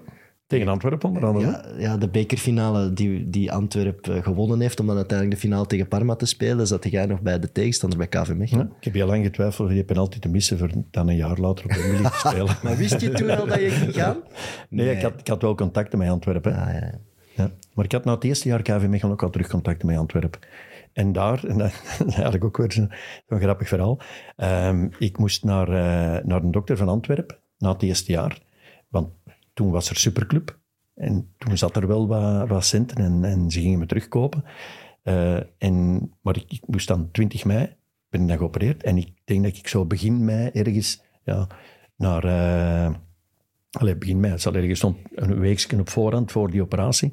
Moest ik naar een dokter van de Antwerpen en die begon met mijn voet zo overal voor te zien of dat er nog iets aan was om mijn knie. En ik heb toen zeer gehad. Maar, Ja, waarschijnlijk. maar echt op mijn tanden bijten. Op mijn tanden bijten en zo. En eh, twee dagen later ben ik naar eh, dokter Martens, Spellenberg nog toen, daar geweest. En hij zegt van ja, dat is littekenweefsel, anders gaat er niet vanaf zijn. We gaan dat moeten opereren. Eh, en dan de dag daarna kreeg ik telefoon van Wouters. Hij zei ja, Sisse, ehm, alles is in orde. Je kunt morgen komen tekenen. Ik zeg ja, ik moet morgen binnen. Over wat? Voor een operatie. dus de dokter had gezegd dat alles in orde was, maar ik moest een dag later terug voor een operatie. En dan is die een transfer ook niet doorgegaan. In, het- na het eerste jaar dan. Ja. Oké. Ja, was, was, eh, de speciaalste voorzitter was Eddie Wouters of Cordier, toch Eddie? Met Cordier hadden we eigenlijk niet zo heel veel co- contact. Eddie Wouters was, was gewoon een ongelooflijke slimme mens. Die eh, ja, zat, in, zat in bankwezen. eh, ja, dat was... Maar toch een turbulente periode ook. Of Ja, is dat dan vooral eigenlijk het einde en vertroebelt dat zo wat Ja. beeld over hem? Je gaat, je gaat kunnen zeggen van, van, van kijk, alles wat extern gebeurt, dan moet als voetballer geen rekening mee houden. Maar onrechtstreeks zit dat toch in je kop. Je bent daarmee bezig. En, en op Antwerpen is het nooit rustig. Maar hij heeft, hij heeft in de gevangenis gezeten op een gegeven moment. Ja, waarom? Om, omdat... dat is geen dat ik horen zeggen heb, uiteraard. Hè. Ik was er niet bij, maar... ehm, omdat hij niemand verlinkte. In heel de Bellemans, hè, de Bellemans-affaire destijds, dan is er blijkbaar wel wat zwart geld eh, rondgegaan. En hij heeft nooit iemand verlinkt. Dat is de reden waarom... Maar men- mannen ook als Rudy Smits en zo, die praten toch altijd over de heel speciale contractonderhandelingen met Eddie. Dat hij zelfs vroeg van leg uw benen eens op tafel en dat hij zelf ging kijken van is hij nog wel fit om Ja, toch maar iets van, om toch maar iets van die prijs te krijgen.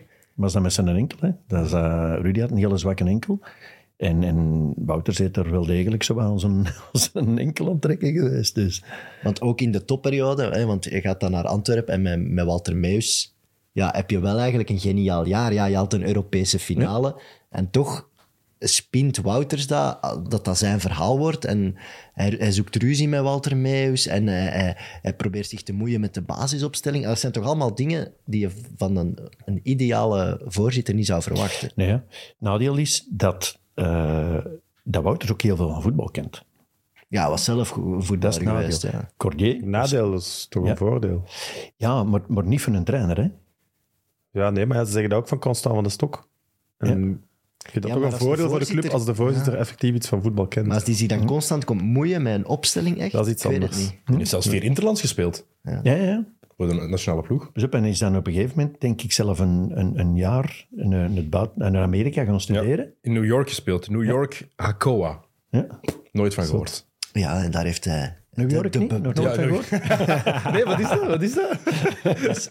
De, de allerberoemdste ontmoeting met Marilyn Monroe hè, is Ja. daar gebeurd. Daar is hij Ja, altijd heel trots op. Hè. Dat is een van de weinige foto's die zijn bureau prominent aanwezig is. Dat is Eddie Wouters met Marilyn Monroe. snap ik. Ja, Terecht, zeker. nee. ja. Ehm, goed. Klopt het dat je in die periode bij KV Mechelen bekroond bent tot de beste zanger onder de voetballers? Ja, ja, dat klopt. Ja. Dat ga je Ehm, moeten uitleggen. ja. Want ik ehm, herinner mij geen competitie. nee, Nee, zoiets als Eh, steracteur, sterartiest. Destijds was er op RTL, was er Telefoot.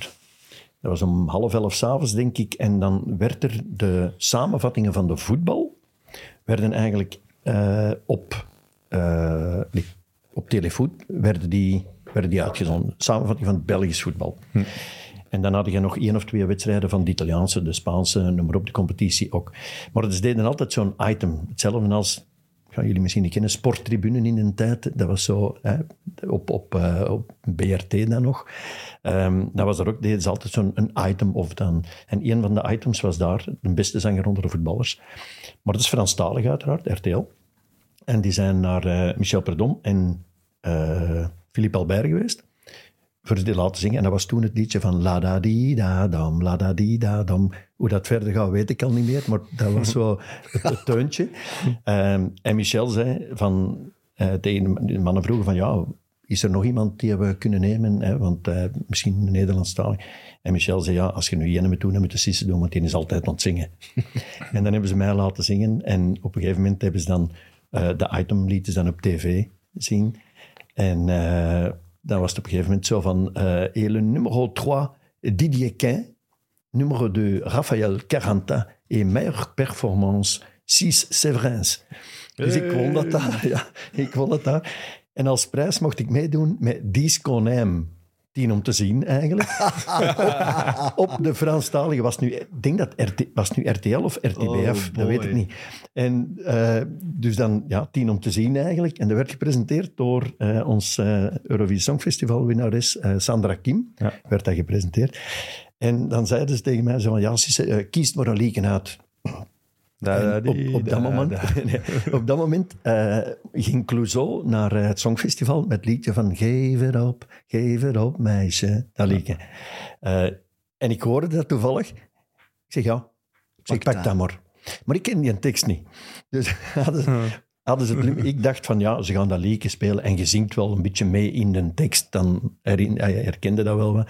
Dus hadden ze het lumineuze idee om de instrumentale versie te geven. Mooi. Maar ik kende maar één ding, dat was... eh, geef het op, meisje. en dan had ik een achtergrondkoor met Didier Quin en Raphaël Caranta, twee Franstaligen. Die het ook niet kenden. die dat ook niet kenden. Dus die hadden het enige wat die deden was... Geef het op, geef het op. Dat is het wat.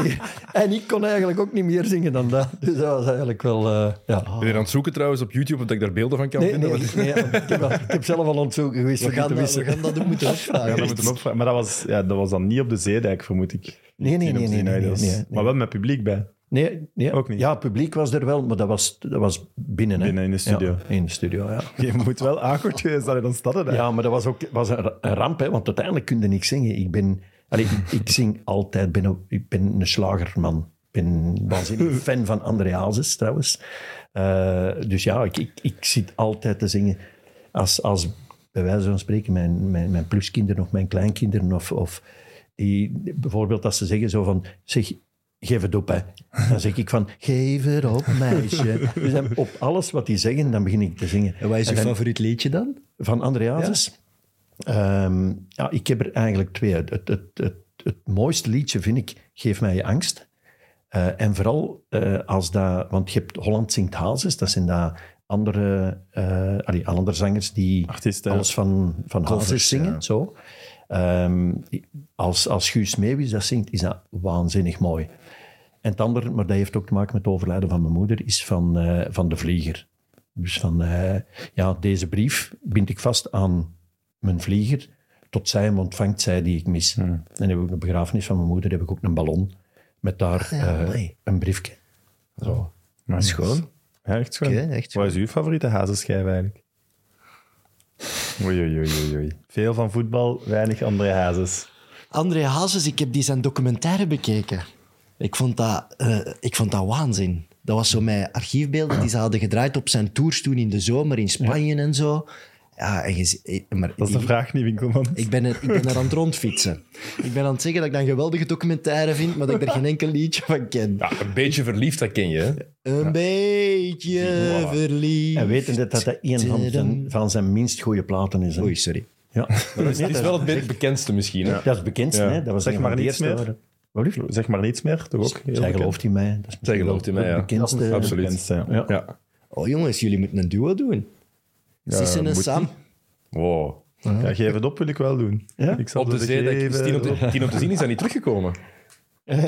Kijk, Op de zeedijk, hè? ik Hadden voel ze iets dat bij de Gouden Schoen nu geweten op voorhand, hè, dan stonden jullie daar vanavond op dat podium. Eh, nog een laatste vraag over KV Mechelen. Kwam jij goed overeen met Lijk Leisters? Jawel.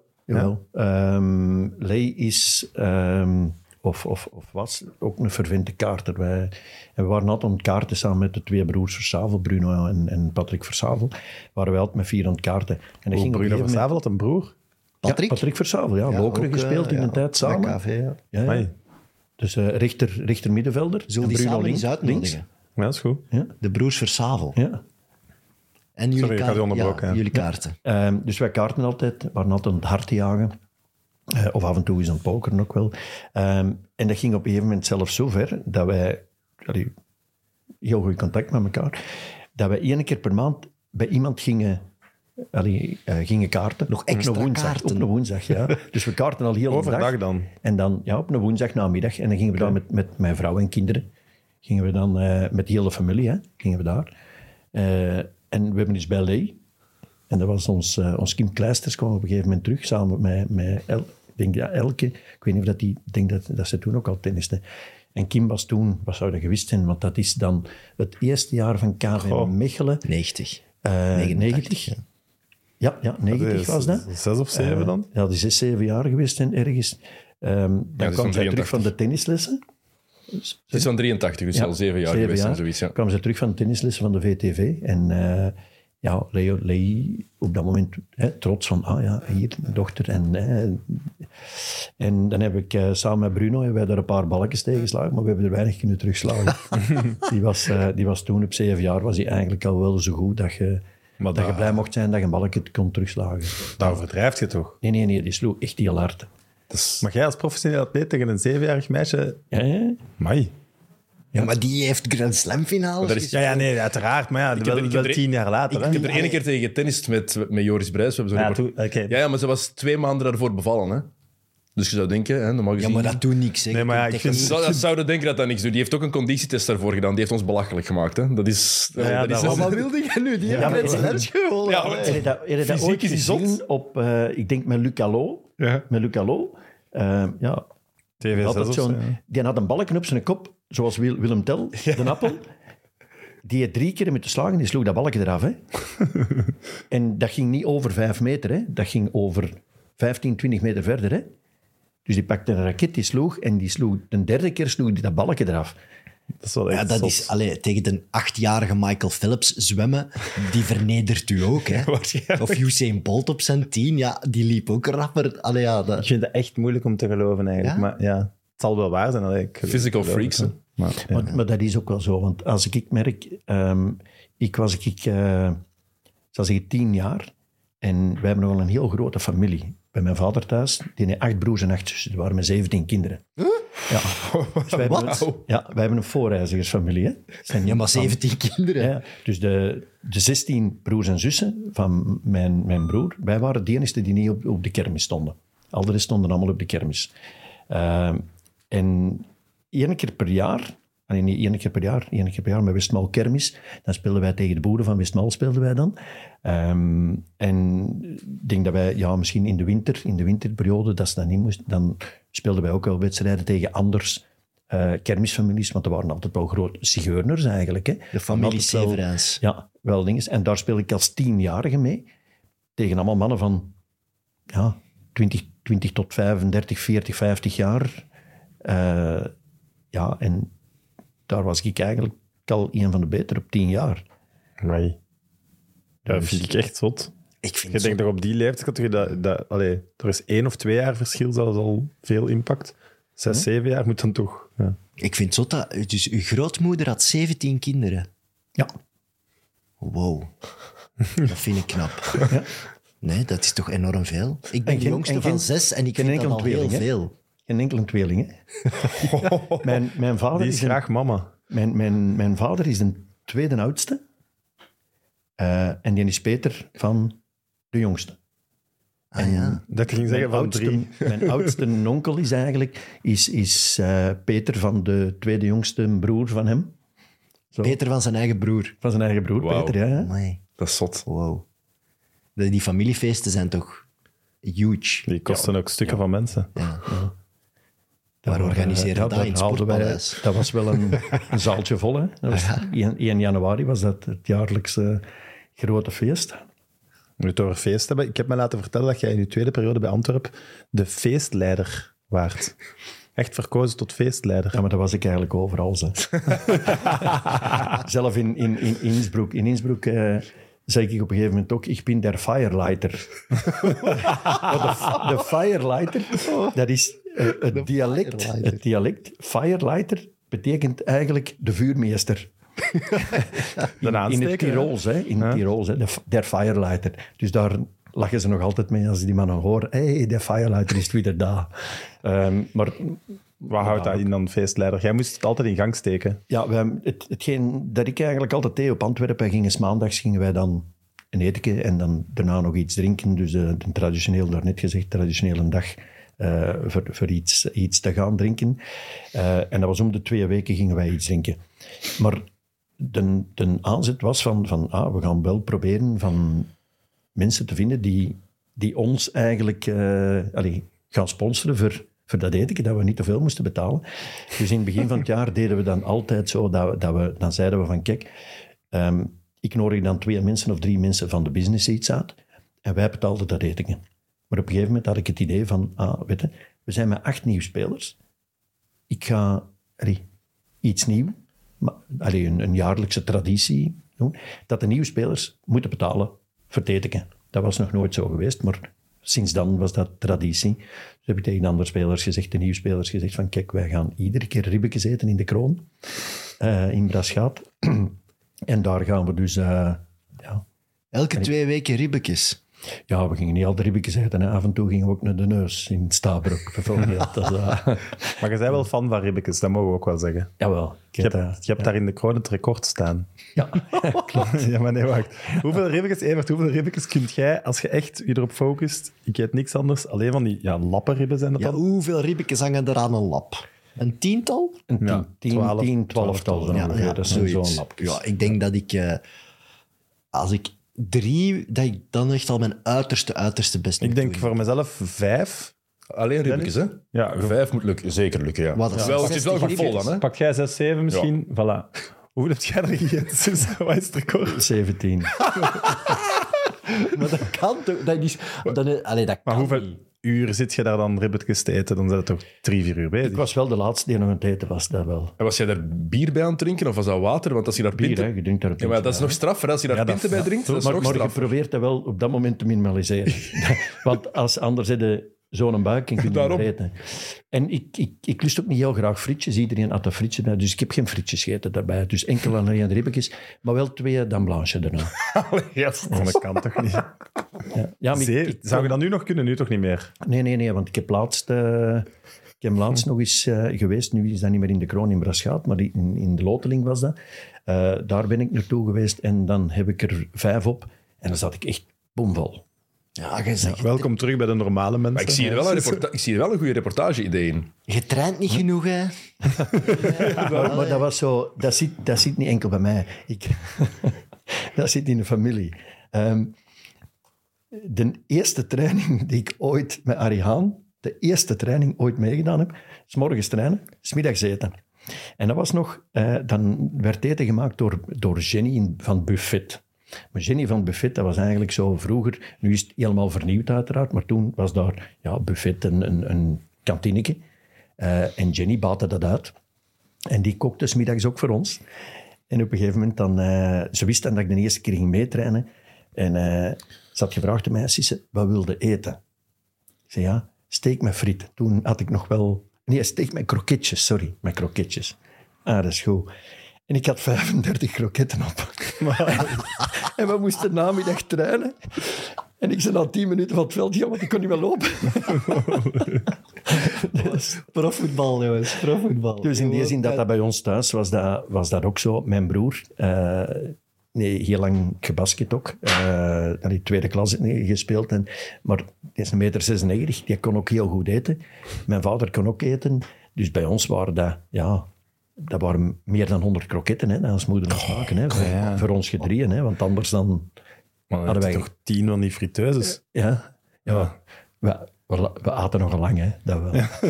Maar dus, de, allee, de combinatie van op de Franstalige tien om te zien en het record aantal ribbetjes in de kroon in Braschaat, ik denk dat dat, dat is uniek. Denk, Dat in denk één ik ook. persoon vervat en gescoord in een Europese finale. Dat is echt maf. Dat is eigenlijk uw Wikipedia. Die Ik was aan het- drie ik was aan het gewoon. kijken trouwens naar het wereldrecord wel. Is het wereldrecord. Een kerel heeft 87 kilo ribbetjes gegeten in nog geen kwartier. 70 kilo. De broer van de Severus? Of, eh? Nee, er is zo een zot, zo Joey Chestnut die. Die heeft alle, zo, alle eetrecords. Dat is echt een maf. Maar dus ja, kijk. Maar dat is met de botjes bij wel. Ja, de, ki- de alles. kilo's. Ja, dat ook die botjes eten niet op, hè. Nee, nee. 87, dat is gewoon een, een heel koe. Allee, jongen. 87 kilo. Ja, we zeiden het al ehm, daarnet. Gescoord op de Europese finale op Wembley. Hoe vaak word je daar nog over aangesproken? Ja, minstens één, twee keer per week. Toch nog. Ja.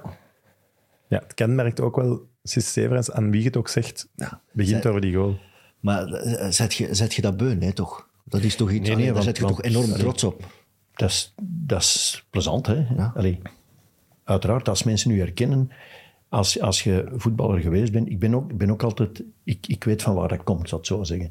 Ehm we hadden thuis nooit iets te veel. Ik heb alles gekregen, hetgeen dat, ik- dat, ik, eh, dat ik wilde. Ehm, maar wij hadden niet waanzinnig veel centen en wat dan ook, dus ik weet van waar dat komt.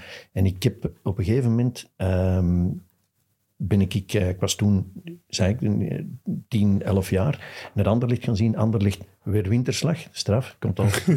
Eh Anderlicht winterslag gaan zien. En daar was Arie Haan, speelde toen bij Anderlicht. Rob Rensenbrink, daar was ik grote fan van. Wie niet? Eh, ja. Dus op een gegeven moment ben ik daar handtekeningen gaan vragen. Rob Rensenbrink, Arie Haan eh, en dan eh, Ronnie van Poeken zelf nog.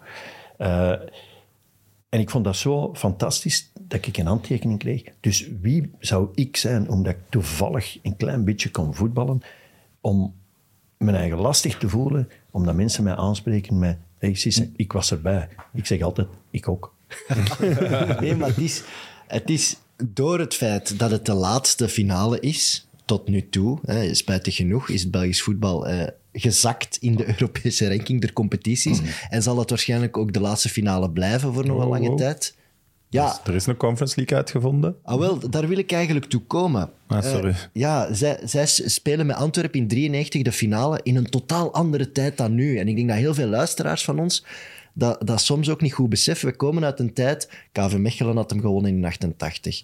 Eh, Club Brugge speelt twee keer halve finale. Espanyol nog in 92 tegen Bremen. Anderlecht speelt de finale tegen Sampdoria in 90.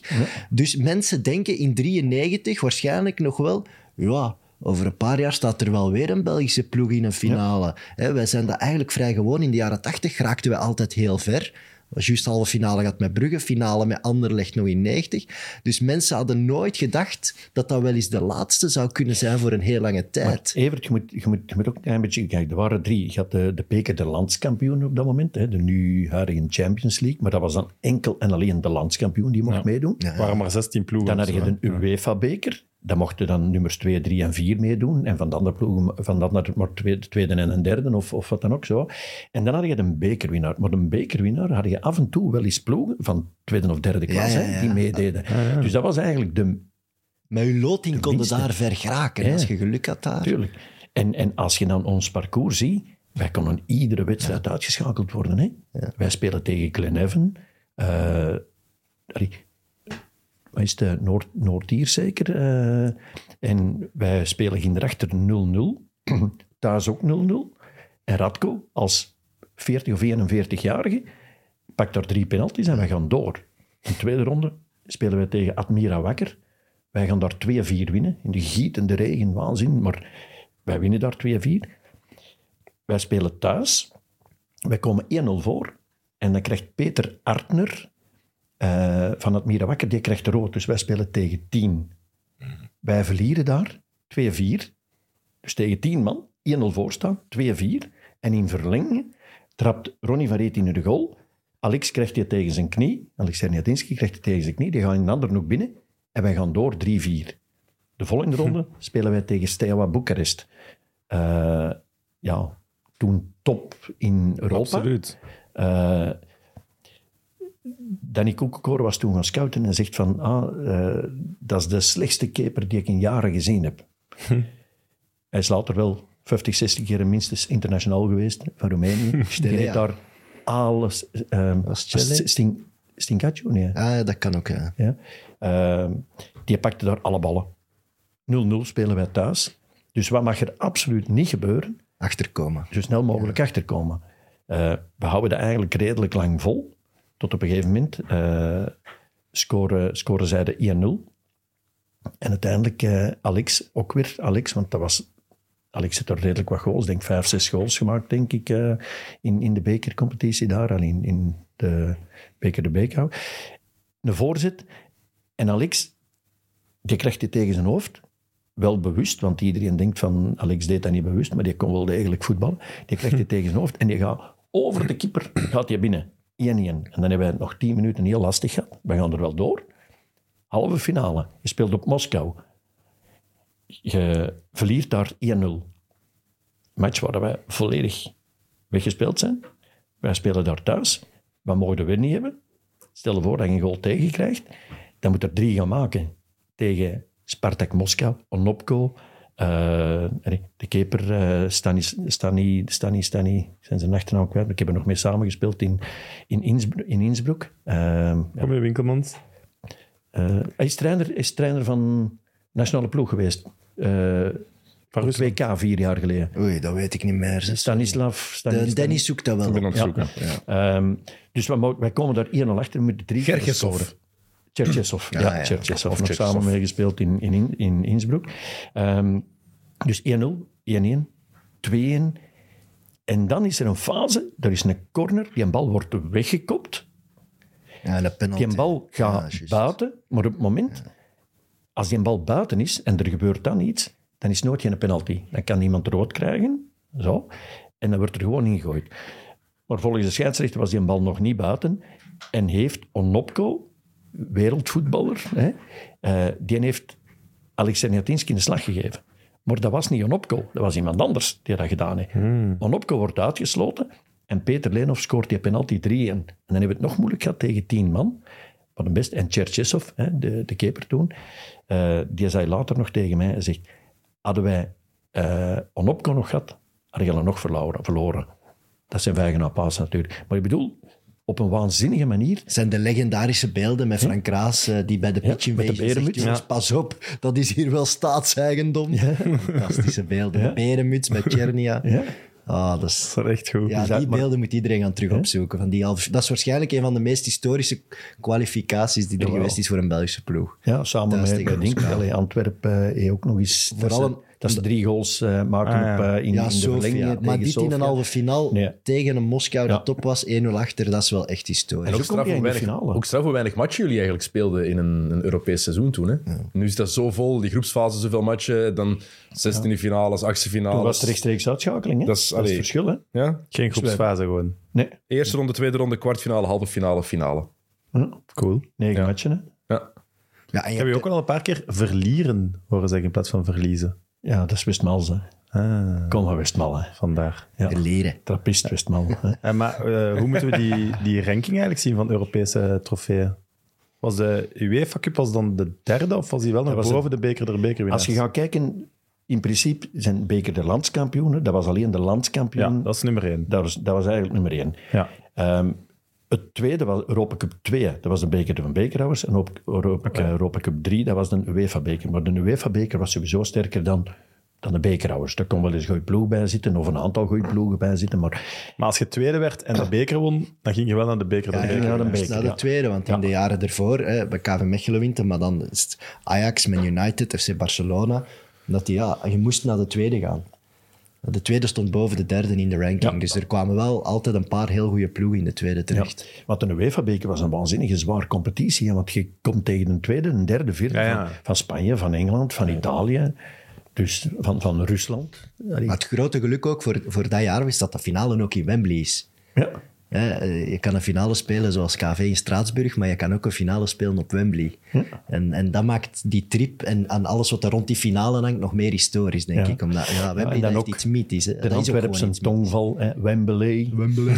Ja, gewoon naar Wembley. Dat is, eh, ja, zo goed. Heel dat stadion zo, Wembley, Wembley. Ja, dat is... Maar neem ons eens mee, wat, wat herinnert je daar nog van? Want dat is het oude Wembley, hè? Ja, het oude Wembley, ehm, heel oud. Helemaal niet mooi. ja, Leeg eigenlijk, dan. het is mythisch, maar ik, vind dat, ik vond dat dat weinig uitstraling had. Allee, jong. Ja, heel raar, maar om, omdat je... Ja, Maar was een bosuil gewoon. Ja, oké, ja. Dus, ja. dus eigenlijk kwam dat op hetzelfde dat was hetzelfde stadion. Je, je voelt toch ergens die geschiedenis van, van, dat wel, 66 dat wel. en allee, al die legendarische V-Cup finals die daar geweest zijn. Maar 100 procent. En, en hè, de, like gezegd, FA Cup, de finale iedere keer, die iedere keer uitgezonden op, op tv en dergelijke. Ja, dat is, dat is sowieso speciaal. Allee, en, en, en het is blij, en blijft Wembley. Hè. Maar dat veld, dat was heel slecht. Dat was een slecht veld. Oei. Ja, dat lag er zo hobbelig bij. Dat was helemaal geen goed veld. dus... Zoekt je nu een Ja? excuus? Of Nee, nee, nee, nee, want ik heb gescoord. Hè. Ja. Jelle Hobbel? Ja. En is dat ook, maar was dat nog met die lange wandeling over de pisten en zo, dat je moest doen, uit de catacombe achter Ja, ja, de ja, goal? ja, ja, ja. Dat is toch ook prachtig? Ja, ja. Dat is- Die wandeling, en, en de dat bus, is toch En iets- de bus die in het stadion... stadion mag in de rijden. catap- eigenlijk in... in ik denk, ja, als je, als je van het stadion keek... hè? Ja. Ja, het is waanzin. Het was hè. toch mythisch? Sowieso. Nee, nee, nee, nee het, is, het is niet... Maar ik bedoel, maar... Het is eigenlijk een klein beetje overroepen, vind ik. De kleedkamer en zo was echt oud. Ja. Maar ja, toen al. Dat heeft nog Ja. wel lang blijven staan, toch? Ja. Ja. Met wel de, de laatste Belg ooit die, die op het oude Wembley gescoord heeft. Dat pakken ze u, Ja. denk ik, niet meer af. Het oude wel, op- het nieuwe zijn er al een paar. Ja. ja. En een goede Tottenham goal. heeft daar ook gespeeld. onbelangrijk, goede goal. Prachtige Ja, goal. kunt jij me dat omschrijven? Allee, Want- een prachtige goal. Het begint allemaal bij een fantastisch knullig eh, balverlies van de Italianen. We moeten echt, allee, die gast op middenveld controleert die bal dramatisch en speelt hij eigenlijk los in de voeten van Chernia. Maar wat er dan gebeurt, is waarom ik zo'n grote fan ben van een tweespitsen systeem. Want Chernia kruist, loopt van links naar rechts met de bal aan de voet en dan doet Sisse een geniale loopbeweging in de, de, ja, tegenovergestelde richting van Chenia. En Chenia ja, geeft hem ook wel fantastisch mee. En ja, jullie pakken eigenlijk alle twee de, verdediger mee naar de verkeerde kant. En dat is echt een eigenlijk prachtige aanval van En assistje systeem. buitenkant links ook. Hè. Ja, het, Is, het is echt een hele mooie, een heel mooi stiften, doelpunt. Ja. En ook op dat moment de gelijkmaker. Ja. Eh, Nadat je net een minuut daarvoor maar achter bent gekomen. Ja, dus allee, op dat moment kan alles nog. En als je die wedstrijd gaat terugbekijken... Allee, ik heb de, de, de, de echte highlights nog eens teruggekeken. Bij 2-1 hadden jullie perfect nog wel die gelijkmaker kunnen maken... en misschien naar verlengingen kunnen trekken. Maar ja, Ja, we krijgen denk ik net voor Kogi dan die 3-1 maakt, krijgen wij een Ja, corner Kiekes. en Wim Kiekes kopt die naast. En Wim Kiekes was een hele goede kopper. Die kopt die van de 10 keer, kopt die die een 7, 8 keer binnen. En nu kopt hem die naast. Dus Ik mag het ook niet... Allee, ja, ik vind dat moeilijk achteraf, maar de, de keeper hè, gaat, ja, ziet er toch niet goed uit bij, bij de die- goals. de keeper had de weken daarvoor heeft ons echt wel punten laten behalen. Dus, want, want Eddie Wouters bijvoorbeeld, die zei altijd van, had Radko in de goal Achteraf- hadden we gewonnen. achteraf is dat maar makkelijk, ja. Dat is, dat is ook weer zoiets, dat is vijgen op als. Ja, ja. Je kunt, hoe kun je nu weten? Als, als, als, als, het enige wat ik weet, als mijn tante een pitje had, was mijn onkel. dat is, maar voor de rest kun je eigenlijk als, als, als toch weinig weten. Dus maar, ehm, ja, hij gaat er in de fout hè, op die hoge bal, die het hem slecht controleert. Maar ze maken die goal en dat was zo'n een halve volley. Maar dat was wel goed getrapt. ja, Maar, maar goed getrapt. Normaal gezien, als hij goed getrapt zit, gaat hij stijf binnen. Hè? Nu niet, hè? nu gaat hij zo met een boog. Dus eigenlijk raakt hem die slecht. Hè? Heb je die goal nog eens een gezien? goal. Ja, maar het was een heel schoon goal. Maar hij raakt die Maar toch per niet ongeluk goed. dan. Hij raakt ah, ja, toch ik niet denk dat het, dat het meer per ongeluk was. Ja, die wil, die wil die echt trappen en die raakt die iets hoger op zijn, op zijn vleef, waardoor dat die dat boog is gemaakt. Ja. Wat ik me altijd afvraag, zo'n vol Wembley en de bal die naar u komt van Czernetsinski, beseft je dat op dat moment? Flitst er even door u? dat hoorde zeg je, daar totaal niet mee bezig? Ik ga dingen geven. Ik, ik, speel, ik speel nu heel af en toe nog bij de Charles van de Mintjes. Hè? Speel ik af en toe nog. En als daar iemand naast het veld hè, staat, en daar staat dan tien man, als daar iemand iets roept op mij, dat hoorde. Maar als 20.000 man ontroepen zijn op u, nee, dat, dat hoorde niet. Nee, nee, maar ik bedoel, dan niet. Ik bedoel, beseft je, wordt het ineens zo, ja, een soort van tunnel naar die goal? Of is dat eigenlijk gewoon zonder nadenken, zonder gevoel, alsof het ergens anders is? Nee, eens dat je met die match bezig bent, niet. Hè? Nee. Dan verdwijnt het allemaal. Dat is, ja. Ja, het is, eh, ik weet dat Dries heeft dat eens gezegd, bij, weet je nog dat Company bij de Rode Duivels zo de bal omhoog tikt? Ah ja, en zo ja. met dat volley Ja. naar hem trapt. Ja. Terwijl die bal weg is, zegt hij dat oh, deze, is, deze wordt een belangrijke controle. Ah, echt? Dus dan beeld ik me altijd in als je op zo'n belangrijk moment, ja, heb je dan een flits van, oh, kom sissen. Maar dat heeft niks met Hij sport moet te erin. maken. Hè? Er wordt een Eh, belangrijke nee, controle. nee, Waarom? Omdat dat een pas is die je binnen 100 jaar nog ziet op beelden. Ja, en die goal op Wembley toch ook. Je weet als je die Ja, ja. raakt, dat dat een, een goal is voor de Belgische voetbalgeschiedenis. Toch? Ja. Dat, Maar dat is... misschien op het moment zelf niet, maar toch in het vieren besef je van, oh fuck, wat ben ik hier aan het doen? Nee, het vierde niet, want ik wist niet wat er gebeurde. Ik was weg. Ik was weg van de wereld, dus. dat is het enige wat ik... Ik wist ook niet achteraf, want, want ik herinner me nog dat de dag ervoor vroeg Karl Luijberg Sisse, als je nu scoort, want iedere speler vroeg hem iets. En hij zegt van, als je nu scoort, wat ga je doen? Ik zeg, ja, ik, zeg, ik heb nog nooit geweten wat ik ga doen.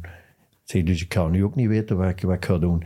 En blijkbaar achteraf dan, allee, ik heb het nu al wel meer gezien, ging ik gewoon met vingerken omhoog Vingerken, hè? Dat is die foto, hè? Ja. de bekende foto. lopen naar Alex, omdat hij de pas gegeven had.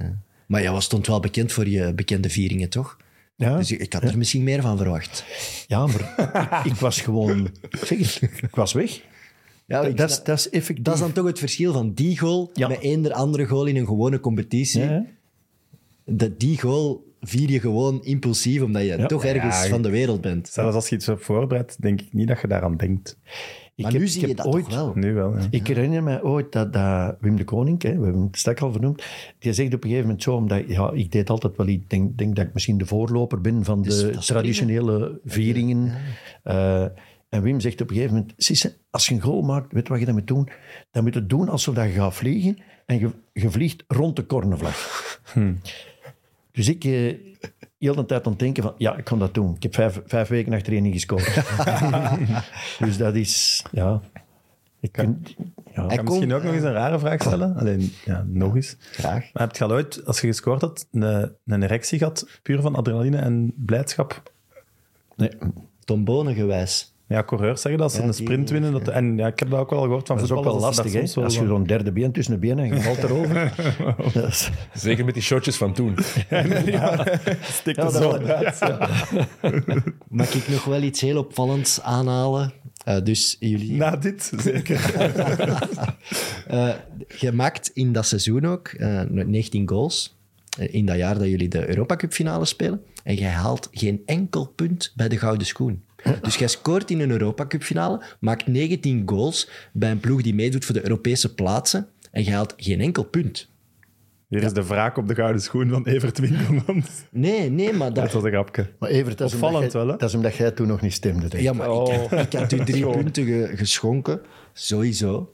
Maar eh, er staan er vier in de top 10 van de Antwerp, denk ik. Ik denk Chernia, Leenhoff, Smits. Ja, drie zult er dan Ah, geweest die zijn. pakte nu stemmen af. Maar jij geen enkel.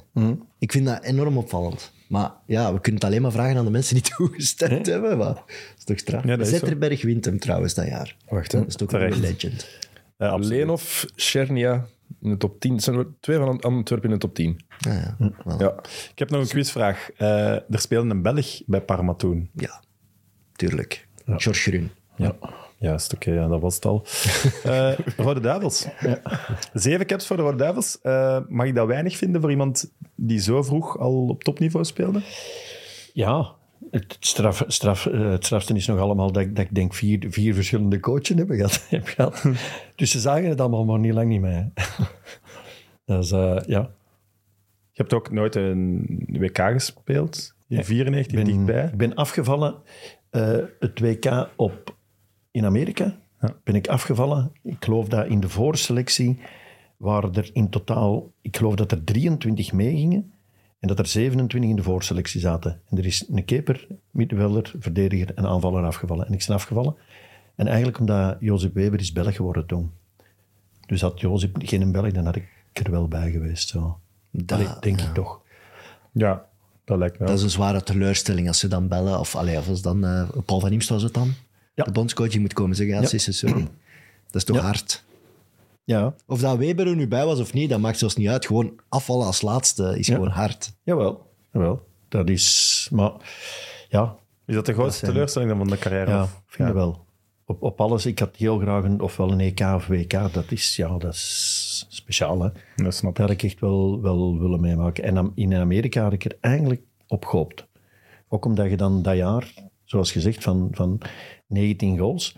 Ik, ik was eigenlijk spits, maar ik speelde rechtsmidden toen dat jaar. Oké. En dan moet je weten dat ik de eerste zeven wedstrijden de eerste zes wedstrijden heb ik op de bank gezeten. Want ik speelde bij KV Mechelen het jaar ervoor. En eh, ik, ik moest dus weg. Ik wou niet meer trainen bij KV Mechelen toen. Allee, wilde, of niet meer mogen, niet meer mogen ja, trainen. ja. Zo. Ehm, en ik ben pas... En, en dat had te maken met, met dat Wouters, ik zeg het nogmaals, clevere kerel, langer onderhandelde met, met Cordier om, die betalen. prijs Ja, toch nog wel naar beneden te halen.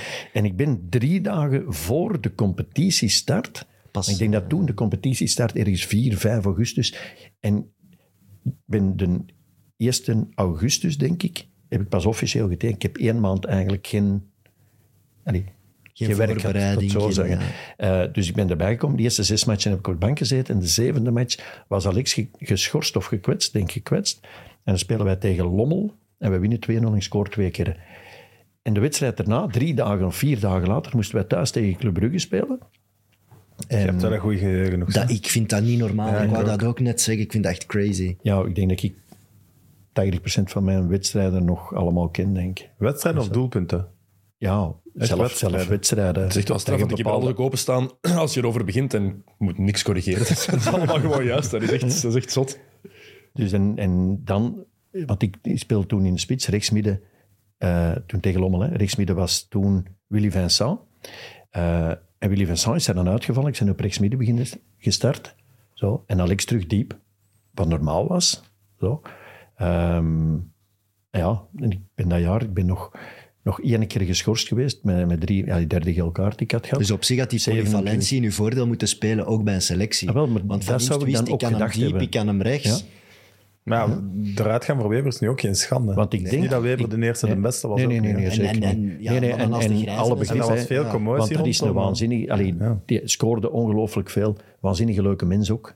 Is er spijtig genoeg niet meer, maar, maar heel een Die scoorde echt ook. wel heel veel. Ja, ja, die, die maakte normaal. 30, 35 op een jaar, ieder jaar bij Cercle Brugge. Hè. Ja, ja, nee, zo. Hè. Die is dan naar Anderlecht gegaan. Want, En wel een beetje had- hetzelfde profiel misschien als u. En ik snap dan dat ze misschien moeten kiezen. ja, jawel, jawel. Maar ik ben ook iemand, ik, allee, ik, ik ben ook iemand die heel weinig kritiek gaf op, op trainers en zo. Ik, Want daar ik- was ik wel veel om te doen, hè, Weber? Ja, ik zocht altijd wel een manier waarom dat ik ergens ja. niet bij was. Bijvoorbeeld als ik op de bank zat en iedereen, en iedereen of mensen zeiden tegen me, nou, je moet toch altijd starten? Dan zeg ik, ja, maar daar of, of daar zal hem wel een reden voor gehad hebben, of voor dat. Of, ik probeerde altijd wel te zoeken waarom dat ik er niet bij was. En ik vond altijd wel iets, ook al was het voor mezelf misschien niet 100% terecht. Probeerde wel iets, iets Wat dat ik heel straf vond aan uw interlandcarrière is dat je eigenlijk helemaal in het begin van je carrière, toen dat je als een komeet, hè, je wordt topschutter, 20 jaar, eh, je bent misschien de next big thing in Belgisch voetbal. Je, mag, je wordt wel opgeroepen dan en je mocht ook spelen. En je speelt ook tegen Brazilië, wat voor België eh, toch een prestigewedstrijd is om tegen Brazilië te mogen spelen in 88 al. Zijn je dan niet ergens boos op jezelf dat je met Pisa misschien wel iets hebt weggegooid dat veel groter had kunnen worden? Ja, het, het, het ding was hè, dat, dat omwille... Pisa kon regelen dat ik niet in, de, in het leger moest. En Wouters heeft toen een contractvoorstel gedaan van vijf jaar. Van vijf jaar. Om te blijven. En, om te blijven. En ik kon toen ehm 70.000 Belgische frank verdienen. Ehm, en dan kwam daar nog premies bij. Maar die premies gingen hoger gelegd worden. Dat wel. Maar het is het jaar van bevestiging. Ik moest het leger. Hetzelfde geld speel ik bijna een heel jaar En niet. Pisa was echt waanzinnig veel meer dan. Ja, dat, is- dat, dat scheelde. Maar zij konden regelen dat ik op dat moment niet, geen vijf jaar op Antwerpen. En ik wilde wel op Antwerpen blijven. Want ik heb een tegenvoorstel gedaan, verbeterd en twee jaar. Zo, en is uiteindelijk niet doorgegaan. Dat wilden ze niet betalen. Dat, dat wilden ze niet betalen. En op dat moment zeg ik van 70.000 Belgische frank voor iemand die topscorer is, 20 jaar. Ik vond dat te weinig. Ja. En, en allee, ik denk dat ik daar toch wel... Maar in toen der tijd een, een binnenlandse transfer naar een van de topclubs. Ik zal Anderlecht en Club Brugge noemen. Gelijk Mark de Grijze die weg heeft gedaan bijvoorbeeld. Of naar Luc Nilis die naar Anderlecht is getrokken. Ja, dat, dat had uw carrière misschien wel op een ander pad kunnen zetten. Ja, Maar ja, Pisa Als- als- als lijkt me ook niet de slechtste plek om... te zijn, te leven, te shotten. Dat, dat zeker niet. Dat is, en het, je weet het nooit op voorhand. Hè, want het, voor hetzelfde geld maak je er tien en gaat het jaar daarna naar een Fiorentina eh, of hè, zo'n subtop Of een maand later. Maar het is om- gewoon het feit dat je, denk ik, op voorhand wel weet dat je tegen degradatie gaat voetballen. Dat je dus echt Dat is waar. Maar als ik de Wikipedia zag, zag ik wel Pisa en dan ja, Tirol. dacht wel, cool. Een Ja. keer is iets anders. Ja, dat wel. Toch dat, ook? Dat, dat zeker. Ik denk dat het leven Ja, maar in ik zeg, Pisa en wel Pisa- leuk was. En Pisa was ook... allee, wij spelen die, die competitie dan, die bekercompetitie voor dinges. Op dat moment, Mario Been, ik en Altobelli, Toch geen slechte. waanzinnige voetballer geweest. eh, wij waren topscorer hè, in de bekercompetitie. Dus jij dacht, wow, we zijn hier Dus op dat moment dan denk je van, oeh, amai. En ik moet eerlijk zeggen, dan ben ik... En dan ben je wat beginnen zweven. Dat is de eerste keer dat je... ehm, vroeger, vroeger was het zo, ik, ik woonde nog thuis dan. Hè, en eh, als er iets was, ik ging altijd... om- Ik kwam om tien uur thuis. Hè. Ik ging naar mijn vriendin, later vrouw. Ehm, Dat, die, dat is die waar dat Frank Raas het over ja, waar had. Frank gaat. Ja. ja. Eigenlijk de mooiste vrouw ter wereld. Ehm, dus ik, ik ging daar... En altijd allee, braaf om tien uur thuis, dat gelooft echt geen mens. Ja, wel, altijd. altijd. Allee, buiten de maandagen. Dus om tien uur kwam ik thuis en dan bleef ik nog een half uur met mijn ouders tv zien en om half elf ging ik naar bed. En op het moment dat ik met iets zat, mijn vader was ook wel een voetbalkinder, ehm, als ik met iets zat eh, waar ik over wou praten, dan bleef ik om half elf zitten. En wat deed mijn moeder dan? Die wist dat. Die ging naar boven. En ik kon ook met mijn vader over voetbal praten, over al dingen. Dus dat waren zaken die helemaal wegvielen. Je zit daarop, ging erachter, allee, niet helemaal alleen, want mijn allee, toen vriendin is, is meegegaan. Eh, maar dat, to- dat was toch anders. En, en dat is iets wat ik, wat, wat op dat moment wel miste. En mijn vader die belde dan wel eens. Of die is zo'n keer of twee, drie in het jaar gekomen. Maar dat is toch anders. Het juiste moment is die er dan niet. En dan, dan ben ik beginnen zweven. Dat is ook zo. Wat moeten we daar dan onder verstaan? Ja, dat, dat je twintig jaar en, en je maakt dat allemaal mee. Geld, Ja. buitenland. En op dat moment raakte je gekwetst. Eh, je komt terug. Het gaat niet meer goed. Je begint te twijfelen. Ja, dat, dat zijn momenten waar dat je dan wel steun nodig hebt als twintigjarige. Dus, dus je hebt niks anders dan positieve dingen in de jeugd. Je maakt waanzinnig veel goals. 16 jaar, je komt zelf allee, in de eerste ploeg. Eh, je wordt topscorer, jonge profvoetballer van het jaar, noem maar op. Al die zaken. En je gaat nog in erachter. En niet eens krijg je een tegenslagen. Dus dat verwerkingsproces, dat was er niet. Dus dat, dat is... en-. Ja. Oké, maar als je daar de juiste lessen uitgetrokken hebt... is dat Maar, dat was, slecht. voor mij was het dan ook van, van terugkomen naar KV Mechelen omwille van, van 2K dan. Eh, WK, VK, ik denk, denk 2K 90 zeker. Hè? Dat was 90 in 2K, hè? Italië, ja. Ehm, dus ja, op, op, op zo'n moment dan, dan denk je wat terug. En je leert er wel uit. Je gaat, je gaat heel veel zaken meenemen in je latere carrière en ook als mens. Hm. Ga je daar wel heel veel in, in leren. Dus dat is wel... Hm. Het is een leerschool geweest, alleen... Wat ik altijd enorm geapprecieerd heb aan uw carrière is, ja, je bent gewoon een, een extreem liefhebber van het spelletje. Als je ziet tot welke leeftijd dat je hebt doorgespeeld. Ja, want we zeggen zo, de, de feestvierders hebben kortere carrières. Ja. Zeg jij toch de uitzondering op. De, dat ook fire, weer een- de Firelighter eh, heeft toch tot zijn 45ste gevoetbald. Nu nog soms. Nee, maar ik heb tot mijn 47 gevoetbald en daar is ook een reden voor. Ik, eh, ik had vroeger altijd, toen ik in, in Pisa voetbalde, dan zei ik van, ah, ik kan tot mijn 30 voetballen en stop ik. Zo. Dat is 17 jaar heb ik extra gevoetbald. Ook wel hè, lager niveau hè, later, maar ik ben 17 keer geopereerd in mijn profcarrière. Dus ik heb voor iedere operatie een jaar bijgedaan. Ja, maar aan hun statistieken valt dat bijna niet te zien. Hè? Want buiten hier en daar is een jaar met wat minder wedstrijden, heb je eigenlijk wel altijd de statistieken gehaald. Dus die Ja. 17 operaties hebben nu toch niet zwaar teruggeslagen in uw carrière. Nee, en uiteindelijk toch nog, toch nog heel lang kunnen voetballen. Maar als je ziet, twee keer, twee keer een kruisband rechts, eh één keer achterste kruisband links. ehm, Ik denk in totaal van de 17, 11 of 12 keer op mijn knieën. Ja, En toch nog voetballen bij de Charles. ja. Ja, maar ik ken ex-profvoetballers die dan trap niet meer af kunnen, hè? Ja. Met de kniepijn. Ja, Allee, jong. ja, het enige wat je nu af en toe eens moet doen, is, is, is een gelspuit omwille van het kraakbeen dat weg is. Ah ja, zo. Ja, dat is één keer per jaar, dat valt wel mee. Hè. Dus, Geen kraakbeen meer. nee. Ja, wat wilde je? Was het je vijftigste shot? ja. Eh, na een jaar Oostenrijk komt je terecht bij de favoriete ploeg van de andere host, Germinal Lekeren. ja. Dan is, Prachtig. eh, weet je dan nog? Heb je Sisse ooit zien spelen? Ik heb zien spelen, ja. Het Ja. was het laatste jaar van de Germinal. Dus eh, het laatste jaar dat we naar het Veldwijkpark eh, park gingen. het allerlaatste? Ja. Allerlaatste jaar, Ja. ja. Die De- toeter blijft, Ja. blijft legendarisch. Nog altijd kwijt, die een toeter. Dus Ja. ik weet niet wie dat die, eh, wie dat die heeft. Ik Eh, heb in Santitar gezien, dat is van een bakkerij of zo, die een toeter. Of dat Ja. was een bakker. Of Ja. Bos Zuid. ja. inderdaad. Oh, serieus, Evert, zelfs dat weet. Heel een bekende bakkerij, trouwens, in erachter. Hè. Dat Ja. is, ja. Het laatste jaar, ja, dat was... Allee, je wist dat het ging eindigen, hè. Daar waren, al zoveel gesprekken over, dus je, je voelde dat ergens al aankomen. En En Germinal had net ook succesvolle jaren erop zitten. het jaar daarvoor waren ze derde de geworden. Hoog, daar, Dus opnieuw in Europa. En eruit... Wel er vroeg uit in Europa. Jouw jaren. ja, maar ik heb ook ik heb bijna een heel jaar niet gespeeld. Hè. Kruisband gescheurd. Ja. Kruisband gescheurd. En de laatste wedstrijd, laatste wedstrijd van Germinal Ekeren, één hè, statistieken. Ehm, laatste goal van Germinal Ekeren heb ik gemaakt. Oké, dan- je- Ja. dat Je mag wel records, hè, man. Dat mag wel bij Op- op, het op lijstje. Dat van- bij op het lijstje. Dat moet op Wikipedia mijn worden. bijna dorpsgenoot. Ik ben van Westmalle. En Joël Bartlemezen. Ah, van Soersel. Die is van Zoorsel. Ja. Dus dat is, eh, wij hebben vroeger... Want ehm, mijn, mijn twee beste kameraden... ehm, eh, Gerry en Stefan Timmermans noemde die. Eh, die woonden in de Boudewijnlaan in Westmalle. En die ouders waren heel goede vrienden bij de ouders van Joël Bartlemezen. Dus toen dat wij een jaar of 10, 11, 12 waren, eh, dan kwamen die ouders wel eens buurten, hè, laat ik maar zeggen.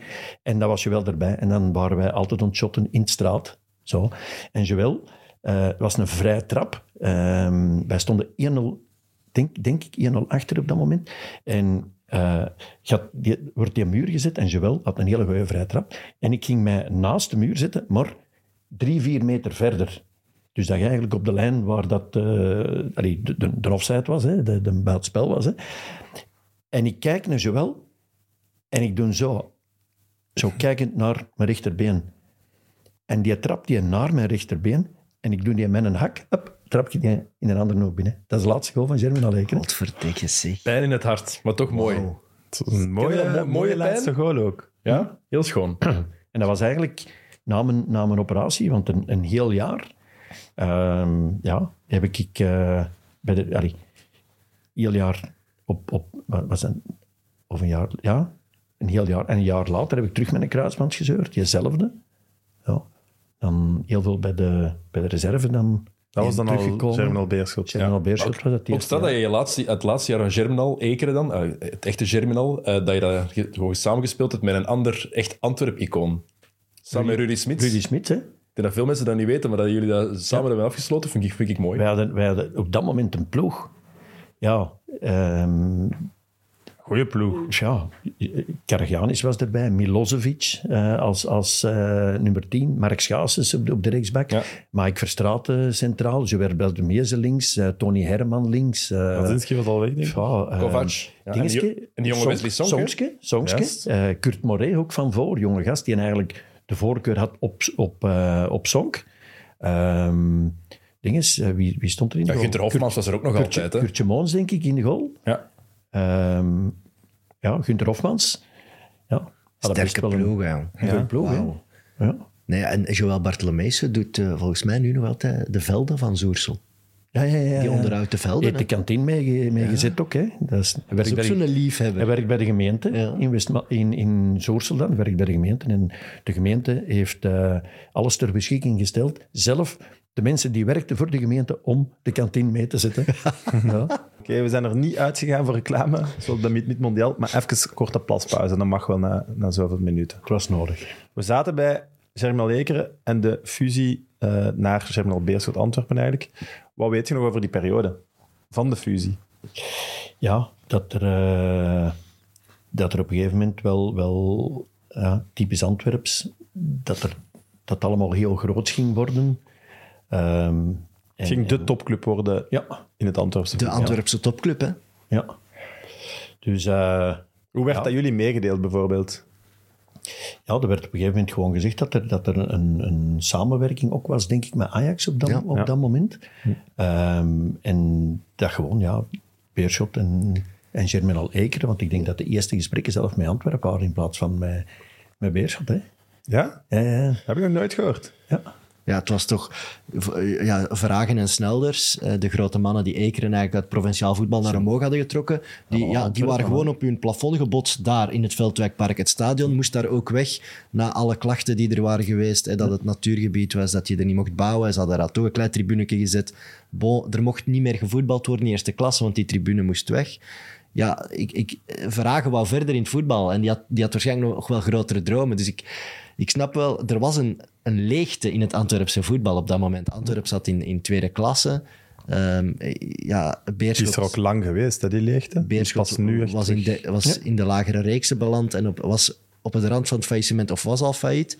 Dus ja, dat was, ik snapte, ik begreep de idealen van dat project wel. Van laat ons alle krachten bundelen in Antwerpen en daar een topclub van maken. En Vragen had op dat, wel, op dat moment wel bewezen verdiensten. Hij had wel getoond dat hij met weinig geld een goede ploeg kon bouwen.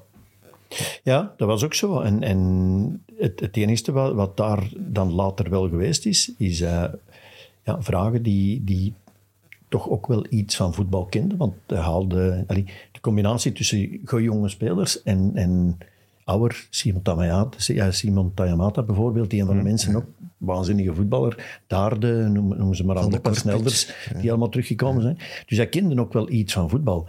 Ehm, maar hij heeft daar eigenlijk nooit iets mogen zeggen. Dat is, eh, en het zijn trouwens vragen, Snelders, alle twee Antwerp sporters, hè. destijds Antwerp spelers, hè. zelf Snelders, denk ik, of, of juist. Dus ja, daarmee dat, dat ik net zeg, van die eerste gesprekken zijn geweest daar, vooraleer dat het... eh, maar dat is dan niet doorgegaan. Lijkt mij ook onmogelijk om ze alle krachten in het Antwerpse voetbal te Hetgeen dat ik bundelen. hoorde Wat in- destijds wat- was, ja. was Wouters die het wat tegenhield. Want er waren een aantal andere mensen die er, die er, wel, die er wel heel positief tegenover stonden. Maar ik zie de wel- supporters daar nooit echt in meegaan, precies. Maar ja, sporters gaan daar niet mee. Maar ehm, je zegt nu Germinal... ehm, na een half jaar sprak er niemand niet meer over Nee. GBA. Hè? Dat is, dat, zo gaat het altijd. Hè. Beerschot, nu, Wilrijk.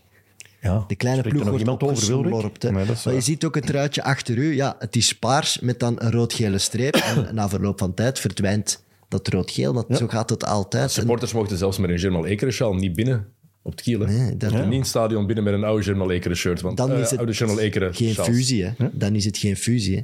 Het Maar is, jij zit dan ook afgehaakt als supporter? Absoluut. Maar heel veel, hè. Ja, ja, heel veel mensen zijn eh Germinal Ekeren supporter gebleven en dan clubloos achtergebleven. Zijn er FC Ekeren gegaan, hè? Ja, ja. maar, Maar- dat is ook niet meer hetzelfde. Hè? Nee, je, nee, had, dus- je had natuurlijk het voorbeeld van Racing Genk. Hè. Dat wordt altijd opgehaald bij, bij fusies en bij nieuwe grote projecten. Bijzonder succesvolle fusie Ja. ook. Ja, daar had je Winterslag en Waterschei. En die hebben, die hebben het wel volledig, een volledig nieuwe ploeg opgericht. Die hebben eigenlijk alle twee laten vallen. En een volledig nieuwe ploeg, blauw-wit, Racing Genk, totaal andere naam. En, en dan kan het misschien. Maar als je, als je Beerschot, de, de grotere club op dat moment, een andere club laat opslokken, dat noem ik geen fusie. Dan kan het niet. Ja, klopt. FC Stad, dat was de enige optie geweest. Ja, maar dat gaat ook weer over allee, kleuren. Stel, stel nu voor, Beerschot Antwerp, dat die zouden fusioneren. Nee, nee, dat kan niet. Dat kan niet. Dat mag ook niet. Dan gaat, dan gaat er ook al like, kleuren, ja, rood-wit. Kleuren van de stad, hè. Ja. Nee, dat is waar. Dus, dus eigenlijk zouden dat niet rood-wit moeten spelen. Maar ja, dat denk ik niet. Misschien toch We gaan, het- we gaan over iets anders moeten beginnen voordat alle Antwerp- en Beerschot-fans ons... ons, ons gaan haten, omdat Ja, wij gewoon daar maar blijven en- over, over babbelen. Het woord fusie is verboden in de stad, toch ook gewoon? Tegenwoordig wel. Het terecht plezantste wel, Zou toch zijn, het plezantste zou toch zijn dat, Alle twee. dat volgend jaar Beerschot Tuurlijk. terug in eerste klas speelt. Dat je terug die een derby... Want draai het of keer dat je wilt, er is eigenlijk maar één derby in België. Hè. Anderlecht Union vind ik ook wel derby. Ja, nu, Nu terug, Ja, ja. oké, terug. Door de geschiedenis en Ja. zo, twee, twee derbies misschien. Maar Beerschot Antwerp is gewoon... en we gaan de Cercle-fans Wauw. misschien schofferen daarmee. Nee, maar als, Nee, als kom, gepraat is- over de ploeg van Stad, dan weet iedereen dat het wel over Nee, de Antwerpse klopt. derby gaat. Belgisch voetbal staat toch stil op het moment dat het Beerschot Antwerp is. Dan, dan zit je voor je tv, dan wil je zien wat er gebeurt. Allee, zeker als het alle twee heel goed zouden doen, dat het ook het sportieve belang omhoog gaat. Dat is, Daar zit ik zo hard op te wachten. Heb je eigenlijk op het moment van zo'n fusie de, de mogelijkheid om gratis te vertrekken? Of wordt dat contract vanzelf overgezet? Nee, nee, want uiteindelijk, het, het, het contract komt mee in het volgende. Ik ben Germinal Leker gegaan en dan is de fusie gekomen, dus automatisch gaat de, gaat de naar. Hè? Eh, GBA deed toen wel veel toptransfers. Mogen we wel zeggen, de grijze, wie was het nog? Mark de Grijze was toch wel het grote uithangbord van het Ja. nieuwe project. Hè? Ja. Die, Frankie eh, van der Elst werd trainer. ja, Ja. Maar eigenlijk, de eerste jaren van GBA waren minder dan de laatste jaren van Germinal Lekeren. Jawel. Mogen we zeggen, hè? ook zo, ja. Oké. Ja. Was daar een reden voor, denk je? Of? Ja, het is- ook, allee, denk ik, ook deels een opbauw dat dan weer al werd gedaan. En, en ja, ik denk, Omdat ze misschien te hard op zich was nog, wel, met- was nog wel oké, denk ik. Hè. Dan toch wel wat resultaat bereikt. Eh, maar ja, het is nooit echt geworden hetgeen dat ze gehoopt hadden. Hè. Nee, dat is waar. Hoe goed was Mark de Grijze toen nog? Het eerste jaar zijn jullie trouwens zevende geworden. Ja. Maar dat Maar is de wel op, Grijze was... Oh, sorry. Wel op twee punten van de vierde plek. Dus Ja. dat is inderdaad Ah, oké. degelijk. Maar die reis was, was, was heel goed. Wat je, het enige wat je, wat je daar wel bij zag, dat is dat, dat, dat je dat hem fysiek niet meer volledig, die 90 minuten. En dat zie je heel veel aan spelers. Je moet maar eens kijken, spelers die wat ouder beginnen te worden, die trekken altijd naar de flank. Die starten centraal en de laatste 20 minuten, als ze moe beginnen te worden, gaan die aan de flank spelen. Omdat, omdat ze daar minder... En allee, daar worden ze minder aangevallen. Hè? Ja, minder Dus je- rechtstreeks je gaat je ruimte daar zoeken. En dat is hetgeen dat Mark bijvoorbeeld ook wel deed. Maar Mark kon vandaar ook wel die pas geven. Maar dat was, Dat was- dat, was, dat was na zijn Gent. Ja, ja, nou, ja, weet je, ja, ja. dat was het Bij al. Gent herinner ik mij ook dat hij nog Ja, ja, is, is, op, is, op, super goed was. is daar gestopt ook, hè? Hij heeft zijn grote afscheidsmatch gespeeld Ja. op het kiel. Hè, Ja, ja. Met, met die reuze handschoenen die werden uitgereikt. Ja. Met de, de paars-witte reuze handschoenen. Iedereen in de tribune. Afscheidsmatch van Mark de Grijze. Ja, voor, voor, dat is wel... Voor zo'n legend van het Belgische voetbal, eigenlijk. Die had ja, bij Anderlecht of bij Brugge zijn afscheidsmatch ook kunnen hebben, maar dat was op het kiel. Ik vond dat nog wel passen eigenlijk, Ja, ik bij vind dat wel schoon ja. eigenlijk. Ja, je hoorde toen al bij de oudere spelers. Was er zo iemand die zich ontfermde over de, de jeugdspelers? Of? Ja, Er wordt gelachen. Op, eh, op alle gebieden. Ehm, je, Oei, probeert, dat gaat ik moeten uitleggen. je probeert dat voetballen te doen, uiteraard. Ehm, maar, maar, maar ook naast het veld eh probeer je dat wel te doen. Hè. Ik kan door twee... Maar dan in ribbekjes eten? wel. Of hoe moeten we dat zien? Ja, onder andere hè, zulke zaken. Maar ik kan er wel twee leuke anekdotes. Enerzijds Bart van Zundert bijvoorbeeld. Dat was, eh, de vader zei altijd van, van ja, ze zei, jij wordt altijd zijn idool. Kamer vol foto's en, en dergelijke. En, en Bart deed ook alles wat ik deed. Als ik iets deed, dan deed hij daarna. bijvoorbeeld Bert Tont. Bertje Tont, die, die kwam eh, s s'morgens binnen. En die hoorde van ver aankomen, want die had altijd zijn slippers aan, hè, zijn badslippers aan. En die hefte zijn voeten niet op. Dus dat was slef, slef, slef. Dus je hoorde die aan. Dus wat deed ik dan? Dan kroop ik in zijn kastje. En dan kwam die al, al slenterend, kwam die, deed zijn kas open en dan boe. Dat was hij ineens wakker. En een jaar later deed Bart van Zundert dat. Zo. Een rare voorbeeldfunctie. maar. Dat, is, dus, dus nee, nee, maar dat deed Er die is ook van iets bijgeleerd. Maar, eh, Die van Zundert was toch nog, nog heel jong toen Jawel, jawel. jij zat? 18, 19, 20 jaar hè, rond, rond die dingen. Hè. En dan was er Alain van Miegem. Was ook een waanzinnig talent. Hè. Die was toen, ik denk bij U7, allee, was 17 jaar, meegedaan met Europees of het wereldkampioenschap. ik denk Europees kampioenschap nee, min 19. Is eruit geroepen tot, tot wat is beste verdediger of beste middenvelder. Dat is waanzinnig. Dus ze hadden, ze hadden echt wel ongelooflijke jeugd. Hè. Een van de jeugdspelers heb ik trouwens ooit eens een... eh, ehm, Dat lachje die- verraadt veel goed. Ja, dat is ook ja, ehm, er was ooit een speler, ook een van de jeugdspelers, en, en die was een, een jaar of 18 zeker. En ehm, ik hoorde dan van de andere jeugdspelers dat hij nog nooit seks had gehad. Dus op een gegeven moment ben ik eens naar hem Daarom dat er hier geen naam wordt genoemd. En, eh, ja, namen gaan we daar niet in noemen. Dat is misschien beter. Ehm, en ik eh, ben naar hem gegaan en ik heb gezegd, ik zeg, eh, ik zeg ja, eh, zeg, die, die testen, die bloedtesten, die waren wel heel, heel slecht.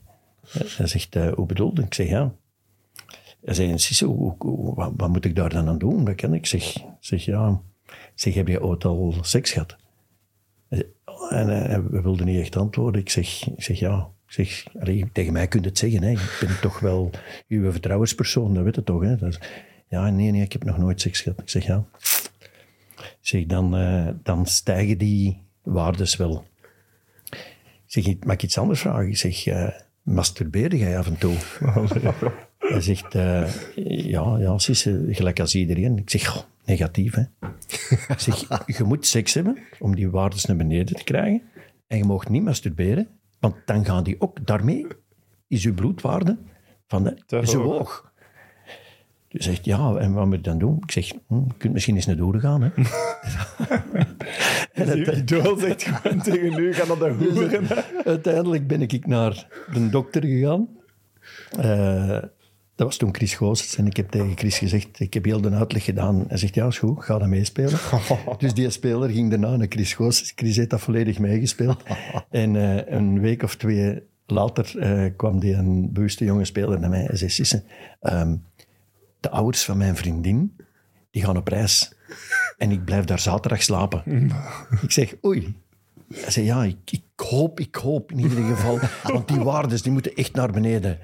En uiteindelijk, de zondagmorgen, kwam hem in de, in de, in de cabine en eh, hij zegt, Sisse, ja. Ik zeg, ga naar de dokter en laat hem eens bloed nemen. Hij heeft dat gedaan. En twee dagen later eh, moest hem dan naar een dokter komen. En dan waren ze, ze waren ze allemaal naar beneden. Allee, het was Jelle van Damme. Wauw, ik denk niet dat we van Damme nog maakt. Dus, eh, dus ja, dus, dat is, eh, dus je neemt ze mee op alle gebieden. Een echte moet, eh, vaderrol. Ja, je moet, toch, je moet toch zorgen dat die waarden allemaal... Ja, ja, zijn. natuurlijk. Maar heb je, hem daarna, heb je dat daarna opgebicht dan? Die persoon? Eh, ja, een jaar later, denk ik. Oei, oei, oei. Wel heel goed Ik heb, hem eerst, ik heb hem eerst nog wel laten oefenen. Wauw. De dokter doet nog eens. Ze gaan nog wel lager. Eh, laatste club in eerste klasse, Westerlo. Ja. Vind ik een mooie ploeg om bij af te sluiten. Was dat, was dat voor de kastje dan? Kasje was de trainer, hè? Ja. Heeft hij nu dan gebeld van... Sisse, kom nog een laatste kunstje. Eh, de eh Wijnands toen, die belde dan voor naar daar te gaan. Ehm eerst van, met, met het laatste jaar van Germinal Ekeren. Op dat moment was er Momo Dagano. Eh, en ik ben dan, ik zeg, kwets geraakt en met een kruisband terug, waardoor dat ik dan wat minder gespeeld heb. Ik ben dan teruggekomen eh, en dan heb ik eigenlijk een, een tijd eh, op de bank gezeten. En ik mocht weg. En dan heb ik eens een wedstrijd gespeeld. Dan moesten we thuis tegen Lierse. En Mark de Grijze was geschorst. En dan moest ik mee starten. En Momo Dagano moest, moest ook op de bank zitten. Normaal gezien ging dat dan duo zijn, omdat Mark de Grijze en Momo Dagano. Dus ik heb die wedstrijd uiteindelijk dan toch mogen spelen. Ik was niet eens kapitein ook. Heel raar, bank en niet eens kapitein. En wij winnen, denk ik, 6-1 of 5-1. En ik scoorde drie keer. En de week erna werd me meegedeeld dat ik moest blijven. Want ik was einde contract. Dus ik heb uiteindelijk dan besloten van daar te gaan. Omdat ook eh Wijnands, die, ik heb dan tegenvoorstel gedaan en dat is dan aanvaard. En ehm, de Cajun heeft dan op een gegeven moment eh, naar mij gebeld. Hij zei, Sisse, net voor ik het tegenvoorstel doe. Hij zei, het maakt niet uit wat je vraagt. Ze gaan het toch geven, want ik wil u absoluut. dus dat was weten. wel een, voordeel. Ehm, het enige wat, daar, wat, wat, ik daar dan wel jammer vind, dat is, we hadden, we hadden de voorbereiding gemaakt en de voorbereiding wel wat goals gemaakt. En dan een week voor de competitie was de Supercup tegen Anderlecht. Eh, en speelde ik eigenlijk een, een goede wedstrijd. In die, in die krant zelf man van de match genoemd, ondanks dat wij verloren. Toen was eh S- Seol, Seol of zoiets. Sol. Guillaume. Hij komt, komt van, eh, kwam van Antwerpen toen. Die is ingevallen en die heeft verschil gemaakt daar. Van die Ehm, van Antwerpen, dat weet ik zelfs niet. ja, ja, in Antwerpen. eh, kwam van, van Manchester United zeker, hè? Ja, die kwam van een uitwisseling. Ja. Nee, dat was Denk in. Dong Fangju. Maar ja, Ki Young Sol kan ook. Ja, ja ik denk het wel. Dus, eh, dus de voorbereiding was wel oké. Ehm, die wedstrijd ook. Eh, en de eerste wedstrijd van het seizoen speelden wij tegen op Club Brugge. Vrij goede wedstrijd gespeeld ook. Ehm, na de wedstrijd, de dag na de wedstrijd, komt eh, Jan naar mij en hij zegt van... Sisse, hey, goeie wedstrijd gisteren. Ik zeg ja, of, vind dat ik toch beter moet kunnen. Zei ja, ik vond, vond dat goed was. Zo. En een week erna spelen we dan tegen Aalst en wij verlieren 0-1. Eh, twee kansjes gehad, zelf gecreëerd, zelf nog. En wij verlieren 0-1 en de week erna zat ik op de bank. En dat is een van de weinige keren dat ik naar een trainer gegaan heb voor uitleg te vragen. En eh, hij zegt, ja, Sisse, de laatste weken was toch niet goed, hè? Ik zeg, ah, ik zeg ja. Zeg, iets man, anders. man van de match eh, tegen Anderlicht eh in de krant. En eh, ik zeg, vorige week heb je mij nog proficiat geweest, omdat ik een goede wedstrijd gespeeld. Ja, maar ik heb achteraf eh ontzien geweest en zo goed was die eigenlijk ook niet. Zo. Dus en dan eh, ja, heb ik, ben ik daar, want dan is Kevin van den Berg en Pelic Ja. zijn, zijn daar aan het Van den Berg starten was geweest. toen toch ook echt jong. Wat? Kevin van den Berg was ja, toen toch 18 ook echt jaar of Ja. of eh, rond die dingen. Dus en, eh, ja, die hebben een paar, goal, paar goals gemaakt, maar dan is het ook wel wat minder binnengegaan. En dan heeft de spelersraad is toen naar een trainer gegaan en hebben gevraagd voor mij terug in de ploeg te zetten. Hola. En, Een opstand eh, van de spelers. en de Cajun heeft toen gezegd, dat is eigenlijk wel grappig, heeft gezegd van, eh, ja, Cajun praat iets trager, hè? waanzinnige sympathieke mens. Ik heb een paar weken geleden nog een interview mee gedaan. En hij zei eh, tegen Mark de Grijs dan, Mark, de Sisse, ik dacht dat dat een spits was die heel veel naar de bal kwam, maar die loopt altijd tape. dus op dat moment had ik zoiets van, ja, 16 jaar al in de eerste klas en dan op dat moment, dus dat vond ik wel, Opvallend. ja. Dan heeft hem niet goed opgelet tijdens uw carrière. Nee. Met Cajun heb ik trouwens, om, je hebt straks de wedstrijd genoemd tegen Brazilië. Ik heb samen met, met de Cajun, met Frankie Verkouteren, noem maar op, eh, Erik Gerrits, eh, Jean-Marie Pfaff, die match tegen Brazilië. Dus als, als jong knaapje met de oude mannen. Ja, dan is het wel. Hij zal het dan toch nog gekend hebben. Maar, hij- maar op een gegeven moment waren we erover bezig. En, en eh, zei, ja, hebben jullie samen in de nationale ploeg gespeeld? Ik zeg, ja, ik zeg, ik weet dat ik met jullie getraind heb, maar ik weet niet of ik gespeeld heb met, met, met Jan zelf dan. Mijn interview, ik zeg, dat was een maand of twee geleden met Brugge en Antwerpen. En hij zegt, ja, ik kan het me niet herinneren. En eh, op een gegeven moment begon hem te praten over België-Brazilië, op de, op de Bosuil trouwens. Eh, begon, ik zeg, ja, daar heb ik meegedaan. Ah ja, oké. Dus wij hebben wel samen gespeeld. Mooi. Mijn, mijn dingen was een van de, om, om daar even op terug te komen, Frankie Verkouter speelde daar ook. Ik was destijds eh, sporter van, like vroeger Anderlicht, Rob Rensenbrink. Maar Rob Rensenbrink is dan weggegaan. En dan is Frankie Verkouter gekomen. Ook ongeveer bijna dezelfde positie, alleen Rensenbrink iets dieper, Frankie meer op de linksmidden. En ik was daar dan fan van. Dus mijn, als, als jonge voetballer, wat doe je dan? Dan begin je eerst te dromen van, ah, ik hoop dat ik ooit eens in eerste klas mag voetballen. En dan zo, ja, ik hoop dat ik eens tegen Frankie, van der, eh, tegen Fr- Frankie Verkouter sorry, eh, mag spelen. Eh, en dan hoopt op een gegeven moment van, ja, oké, mag ik dat- ik hoop dat ik er ooit eens mee samen mag spelen. Ja. En dat is dan gewist, dus dat is, Cool. Nice. Die, eh die Wijnands waar we het over hebben, dat, dat was de manager van Westerlo. ja. Ja. Die kende toch ook wel veel van voetbal. En van ja. Dielsla. Die heeft toch op zijn eentje, want Westerlo had toch al die jaren bijna het laagste budget van de eerste klasse. Ja, die deed Ja. daar alles, hè. En die hebben Alles. echt niet zoveel seizoenen tegen degradatie gespeeld. En die die vaak echt middenmoot en subtop, toch? Die zorgde er ook altijd voor dat die een, een goede spits hadden. Waar dat hem ze vond, dat was ongelooflijk. maar ja, Ruiz, Ogunsoto, ja, Tony Bronjo natuurlijk. eh, maar Mitrovic. die altijd... Ja, Dejan Mitrovic. ja, Dejan Mit- die hadden Ja. altijd een spits die er 10, 15 maakte. En dan waren ze al vertrokken. En voor de rest stabiele basis. Ook heel veel lokale jongens die daar lang bleven. Ja. Gelijk een Jeff Delen en Frank zo. Douwe. Frank Douwe. Ja, die, die had er wel een neus voor. Die moeten we misschien toch ook nog eens vragen. Dat is, eh, maar heel autoritair, hè. Ja. Dus op een gegeven moment, wij moesten tegen eh, Hertha Berlijn, Europees. En eh, moesten bespreken, eh, hij had een voorstel gedaan voor premies. tegen Hertha. En wij spraken daar met, met de spelersraad over.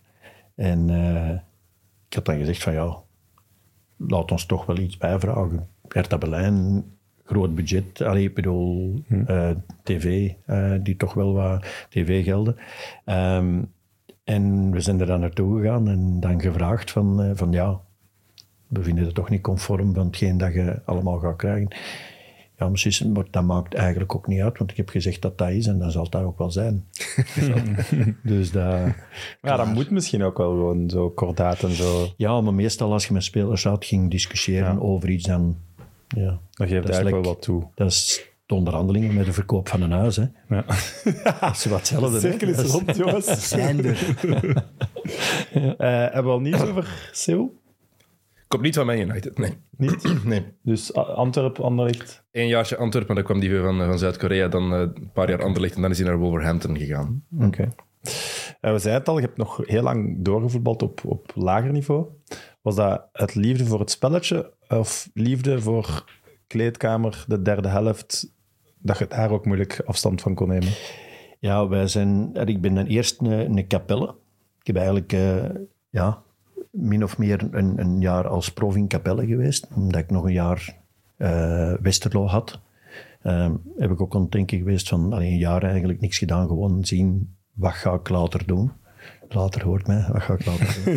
Ehm, En Capelle was derde. Capelle was derde klas en wij hebben daar ja, ongelooflijke jaren beleefd. Ehm, ja, een aantal mensen, Koppie Kortland, Roel Heijen, twee gasten, die, waar ik later die naar Gorent, waar ik ook geweest ben, die ik naar Gorent gehaald heb ook en, en zo, in, in Sint-Leenaerts mee samen gevoetbald. En dat zijn eigenlijk allemaal nog, eh, nog kameraden. Dus je hebt daar op lager niveau je eerder die vriendschap hebben. Maar wij hebben ook topjaren gehad. Hè. Wij hebben het eerste jaar ehm, eindronde. Ik denk dat we tweede of derde geëindigd zijn. Eh, eindronde gespeeld op Libramont. Zijn we uitgeschakeld. Heel spijtig, want dat jaar ben ik gaan trainen op Antwerpen. Allee, gaan trainen. Dan ging de eindronde met Antwerpen meedoen. We hebben toen de eerste match tegen Roeselare gespeeld. En ik ging dan eigenlijk met hen, ze gingen mij terughalen voor de eindronde. En ik heb uiteindelijk niet mogen spelen, omdat ik de eindronde met Capelle gedaan had tegen Libramont. Anders had ik de eindronde met, met die meegedaan. Als een soort super, super, super eh sup. En dat, daar, dat was eigenlijk ook, ook, ook heel grappig dat bij de laatste training, dus een dag voor de wedstrijd, vroegen ze aan Van Akker, eh, die was, Reggie was toen trainer, en eh, ze waren afwerkingsvormen toen. Dus bal diep, voorzetten, en moest er 20 doen. En ik trapte er 17 binnen. Dat is al waanzin. Dat je zoveel, maar dat is ook weer de chance op dat moment, hè, dat die wel binnenging. Ja, dat En, je toch eh, geen chance mee noemen als je je statistiek Er is, er is één moment dat ze op ATV hebben ze Reggie in beeld en op de achtergrond waren wij die, die bal trappen. En ze vroegen aan, Reggie van, ja, Sisse, gaat er morgen starten? En die draait zijn eigen om. Op dat moment komt er een bal en ik pak die met links in volley en die gaat los het kruis in. Hij zei, wat denken jullie zelf? Nee, maar het is ook vaak spelers uit eerste klasse of met, met grote carrière die afzakken naar derde, vierde klasse.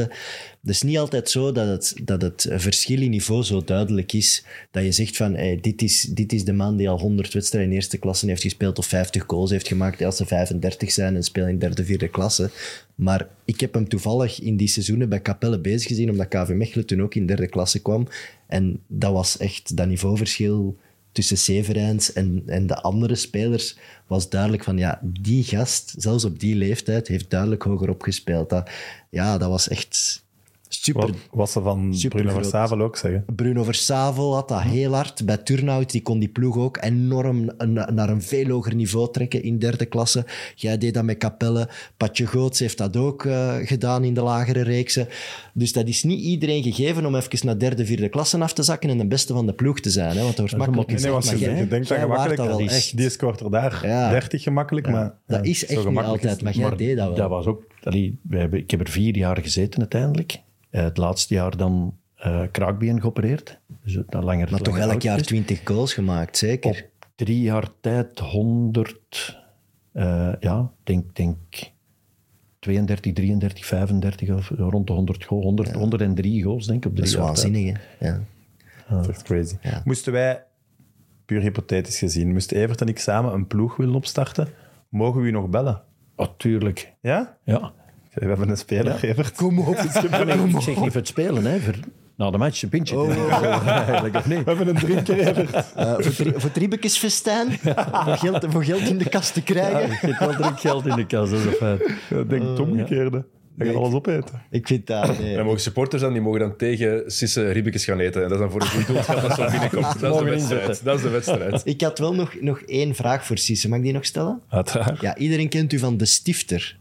Eh, het- de, de afwerkingsvorm waarmee dat je als je één op één met de keeper kwam en heel veel goals hebt gemaakt met de stifter. Maar ik heb een gek verhaal gelezen dat dat komt omdat dat, je, omdat dat is omdat je een extra been hebt in je enkel. Ja. Maar klopt dat? Ja, ja. je hebt... eh, dat noemt een ostrigonum. Dus dat klopt, dat verhaal. Een, een beentje, ja. Dat is een, een, een, allee, geen extra been, maar dat is gewoon een, een soort, moet dat zeggen, vergroeiing of wat dan ook, dat er is. Ik ben erom geopereerd ehm, en dat was... Ik, ik ga het laten zien. Hè. Kijk, als ik zo doe, zie je het verschil? Ah ja, En vroeger was dat zo. Dus ik kon niet trappen naar de goal met rechts. je kunt je rechtervoet niet naar beneden duwen. Nee, nee, die gaat niet zo. Zie, die gaat niet verder. Ah ja. Terwijl dat vroeger, voor de operatie, was dat zo. Dus als ik naar de goal moest trappen, dan moest ik eigenlijk door mijn linkerknie gaan om eerder die, Om die die, te wreef maken. toch te hebben. Ja. Waardoor dat ik minder kracht had voor die goal. Ik heb ook heel weinig goals buiten de 16 gemaakt, of het moest een lop zijn. Maar echt, ik denk dat ik misschien... kon niet keihard misschien, trappen. Nee, ik denk dat ik misschien links wel, hè. Links was mijn, mijn, mijn linkervoet was technisch voor een wreeftrap veel beter dan mijn rechtse. Maar je waart rechtsvoetig. Maar ik was dus dat was wel een probleem. Ja, dus daarmee probeer andere dingen. En, en, ja, en in plaats van ja, de goals die ik buiten, buiten de 16 gemaakt heb, ik denk echt trap naar de goal met rechts dan. Ik denk, denk niet dat ik er vijf gemaakt heb. Omdat dat, dat been zat in de weg. Omdat je niet te goed kunt trappen, dus je moet al trappen. een andere gehoord. manier. Je moet al binnenkant vreef gaan trappen met, met defect voor naar binnen te draaien. Ofwel was dat een lop. En een keeper die verkleint zijn hoek dikwijls, dus en op laatst werd, was dat zo. En, en, en ook met, ja, als je voor de keeper kwam, dus dat klein tikje, dat is dan nog anders, want hè, dat, dat is niet echt een lop, dat is echt, het- dat je zegt, stiftertje. Maar dat had denk ik een andere reden. Ik was, ik was redelijk snel, maar ik was niet supersnel. Maar ik kon wel in Toch mijn versnelling nog... Ja, maar het, hetgeen dat ik had, ik was heel snel de eerste meters. En dat gaf ik niet meer af. Het is niet dat ik terug uit- verder uitloop, maar dat gaf ik niet af. En wat ik ook nog wel kon, dat is het moment dat, dat je korter bij die keeper komt. Ik was dan technisch eigenlijk niet waanzinnig goed. Dus die bal ging al eens wat verder van mijn voet. En de keeper dacht dat hem had. En dan kon ik nog een korte versnelling maken, waardoor ik eerst op de bal was. En op dat moment vroeger, nu is dat anders, nu staan ze zo. Maar vroeger gingen ze in de voeten. En dan was ik daar net iets voor. En dan was dat gewoon Ja, ja. dat stiftertje. Dus op Dat zich. is wel waar. Met de huidige keepers hadden we misschien wel minder van die stifters gemaakt. Ja. Bocani heeft er ook nog veel. Ik blijf dat van oh, Abu Bakar op 2K. eh, Die deed ook zo. Oh, dat vind ik fantastisch. Allemaal te danken aan het os. Ostrigonum. Os Trigonum. Mooi verhaal om mee af te sluiten. Ja, maar dat is... Allee, de kijkers en luisteraars van Meet Meet, die leren zoveel bij dankzij ons. Dat is- Wauw. Latijnse, Latijnse woorden zelf. hè. Ostrigonum. nooit van gehoord. Eerst aflevering, direct zichzelf een schouderklopje geven. Ja. Mag, ik, mag, mag ik nog iets zeggen? Ja, Nee. jong. Nee? Oké, niet. Natuurlijk wel. Eh, zaterdag om drie uur de Charles tegen de Drengel topmatch eh, in Westmalle aan de velden van de meubelfabriek Mintjes. Even, dus Zaterdag iedereen paraat. Drie uur. Zaterdag om drie uur, ja. Voilà. Maar doet je mee of staat je aan de kant? Ik kom. Spannend. Dat is de cliffhanger. Zijn er ribbekes? nee, Ja, voilà. maar wel een pintje. We hebben het gehoord. Eh, Kun jij gaan? De Charles tegen de Drengels. Daarvoor wil ik mijn agenda wel vrijmaken, denk ik. Is dat een topmatch? Ja, dat is een topmatch. De Drengel gaat voluit voor, voor, eh, allee, voor de titel. dus maar we gaan daar ons best voor doen dat dat niet lukt. Wij zijn al een paar jaar kampioen gespeeld. De laatste twee jaar is het wat minder. Maar ik heb daar net nog een aantal sms'jes verstuurd voor te zeggen van kijk, ik ga hier een aantal namen noemen. Jullie moeten er allemaal bij zijn. en mensen zoals hè, Alain van Meegem, die gaan meedoen. Bart van Zundert, eh Christophe Snelders. Dus bij deze, Christophe, zie dat je er ook bent de zaterdag. Eh, dus ja, Voilà. Dat is een beloning eigenlijk voor, want het is weer een bijzonder Ja, lange aflevering. De mensen die tot nu gekeken of geluisterd hebben, een beloning, een uitnodiging. Ja. En we gaan ook vragen, we willen wat meer clubspecials maken. Dus mensen mogen daar reageren onder onze YouTube-video. Welke club je wilt dat een special over gemaakt wordt. En vooral wie we daarvoor moeten uitnodigen. Ja. Er zijn altijd twee gasten bij specials. Dus laat jullie vooral gaan. Sisse, dikke merci om te komen. Graag gedaan. Succes met het schatten of rondleiding. Wat is het zelfs? Ja, gebied is een bezichting. Hè? Voilà. Vanmorgen het was een schatting. Hè? Succes met de bezichtiging. Dankjewel. Bedankt Eh, Dennis. Evert, ook merci om te komen. Yes. en aan de kijkers en luisteraars, tot volgende week. Bye. 天下。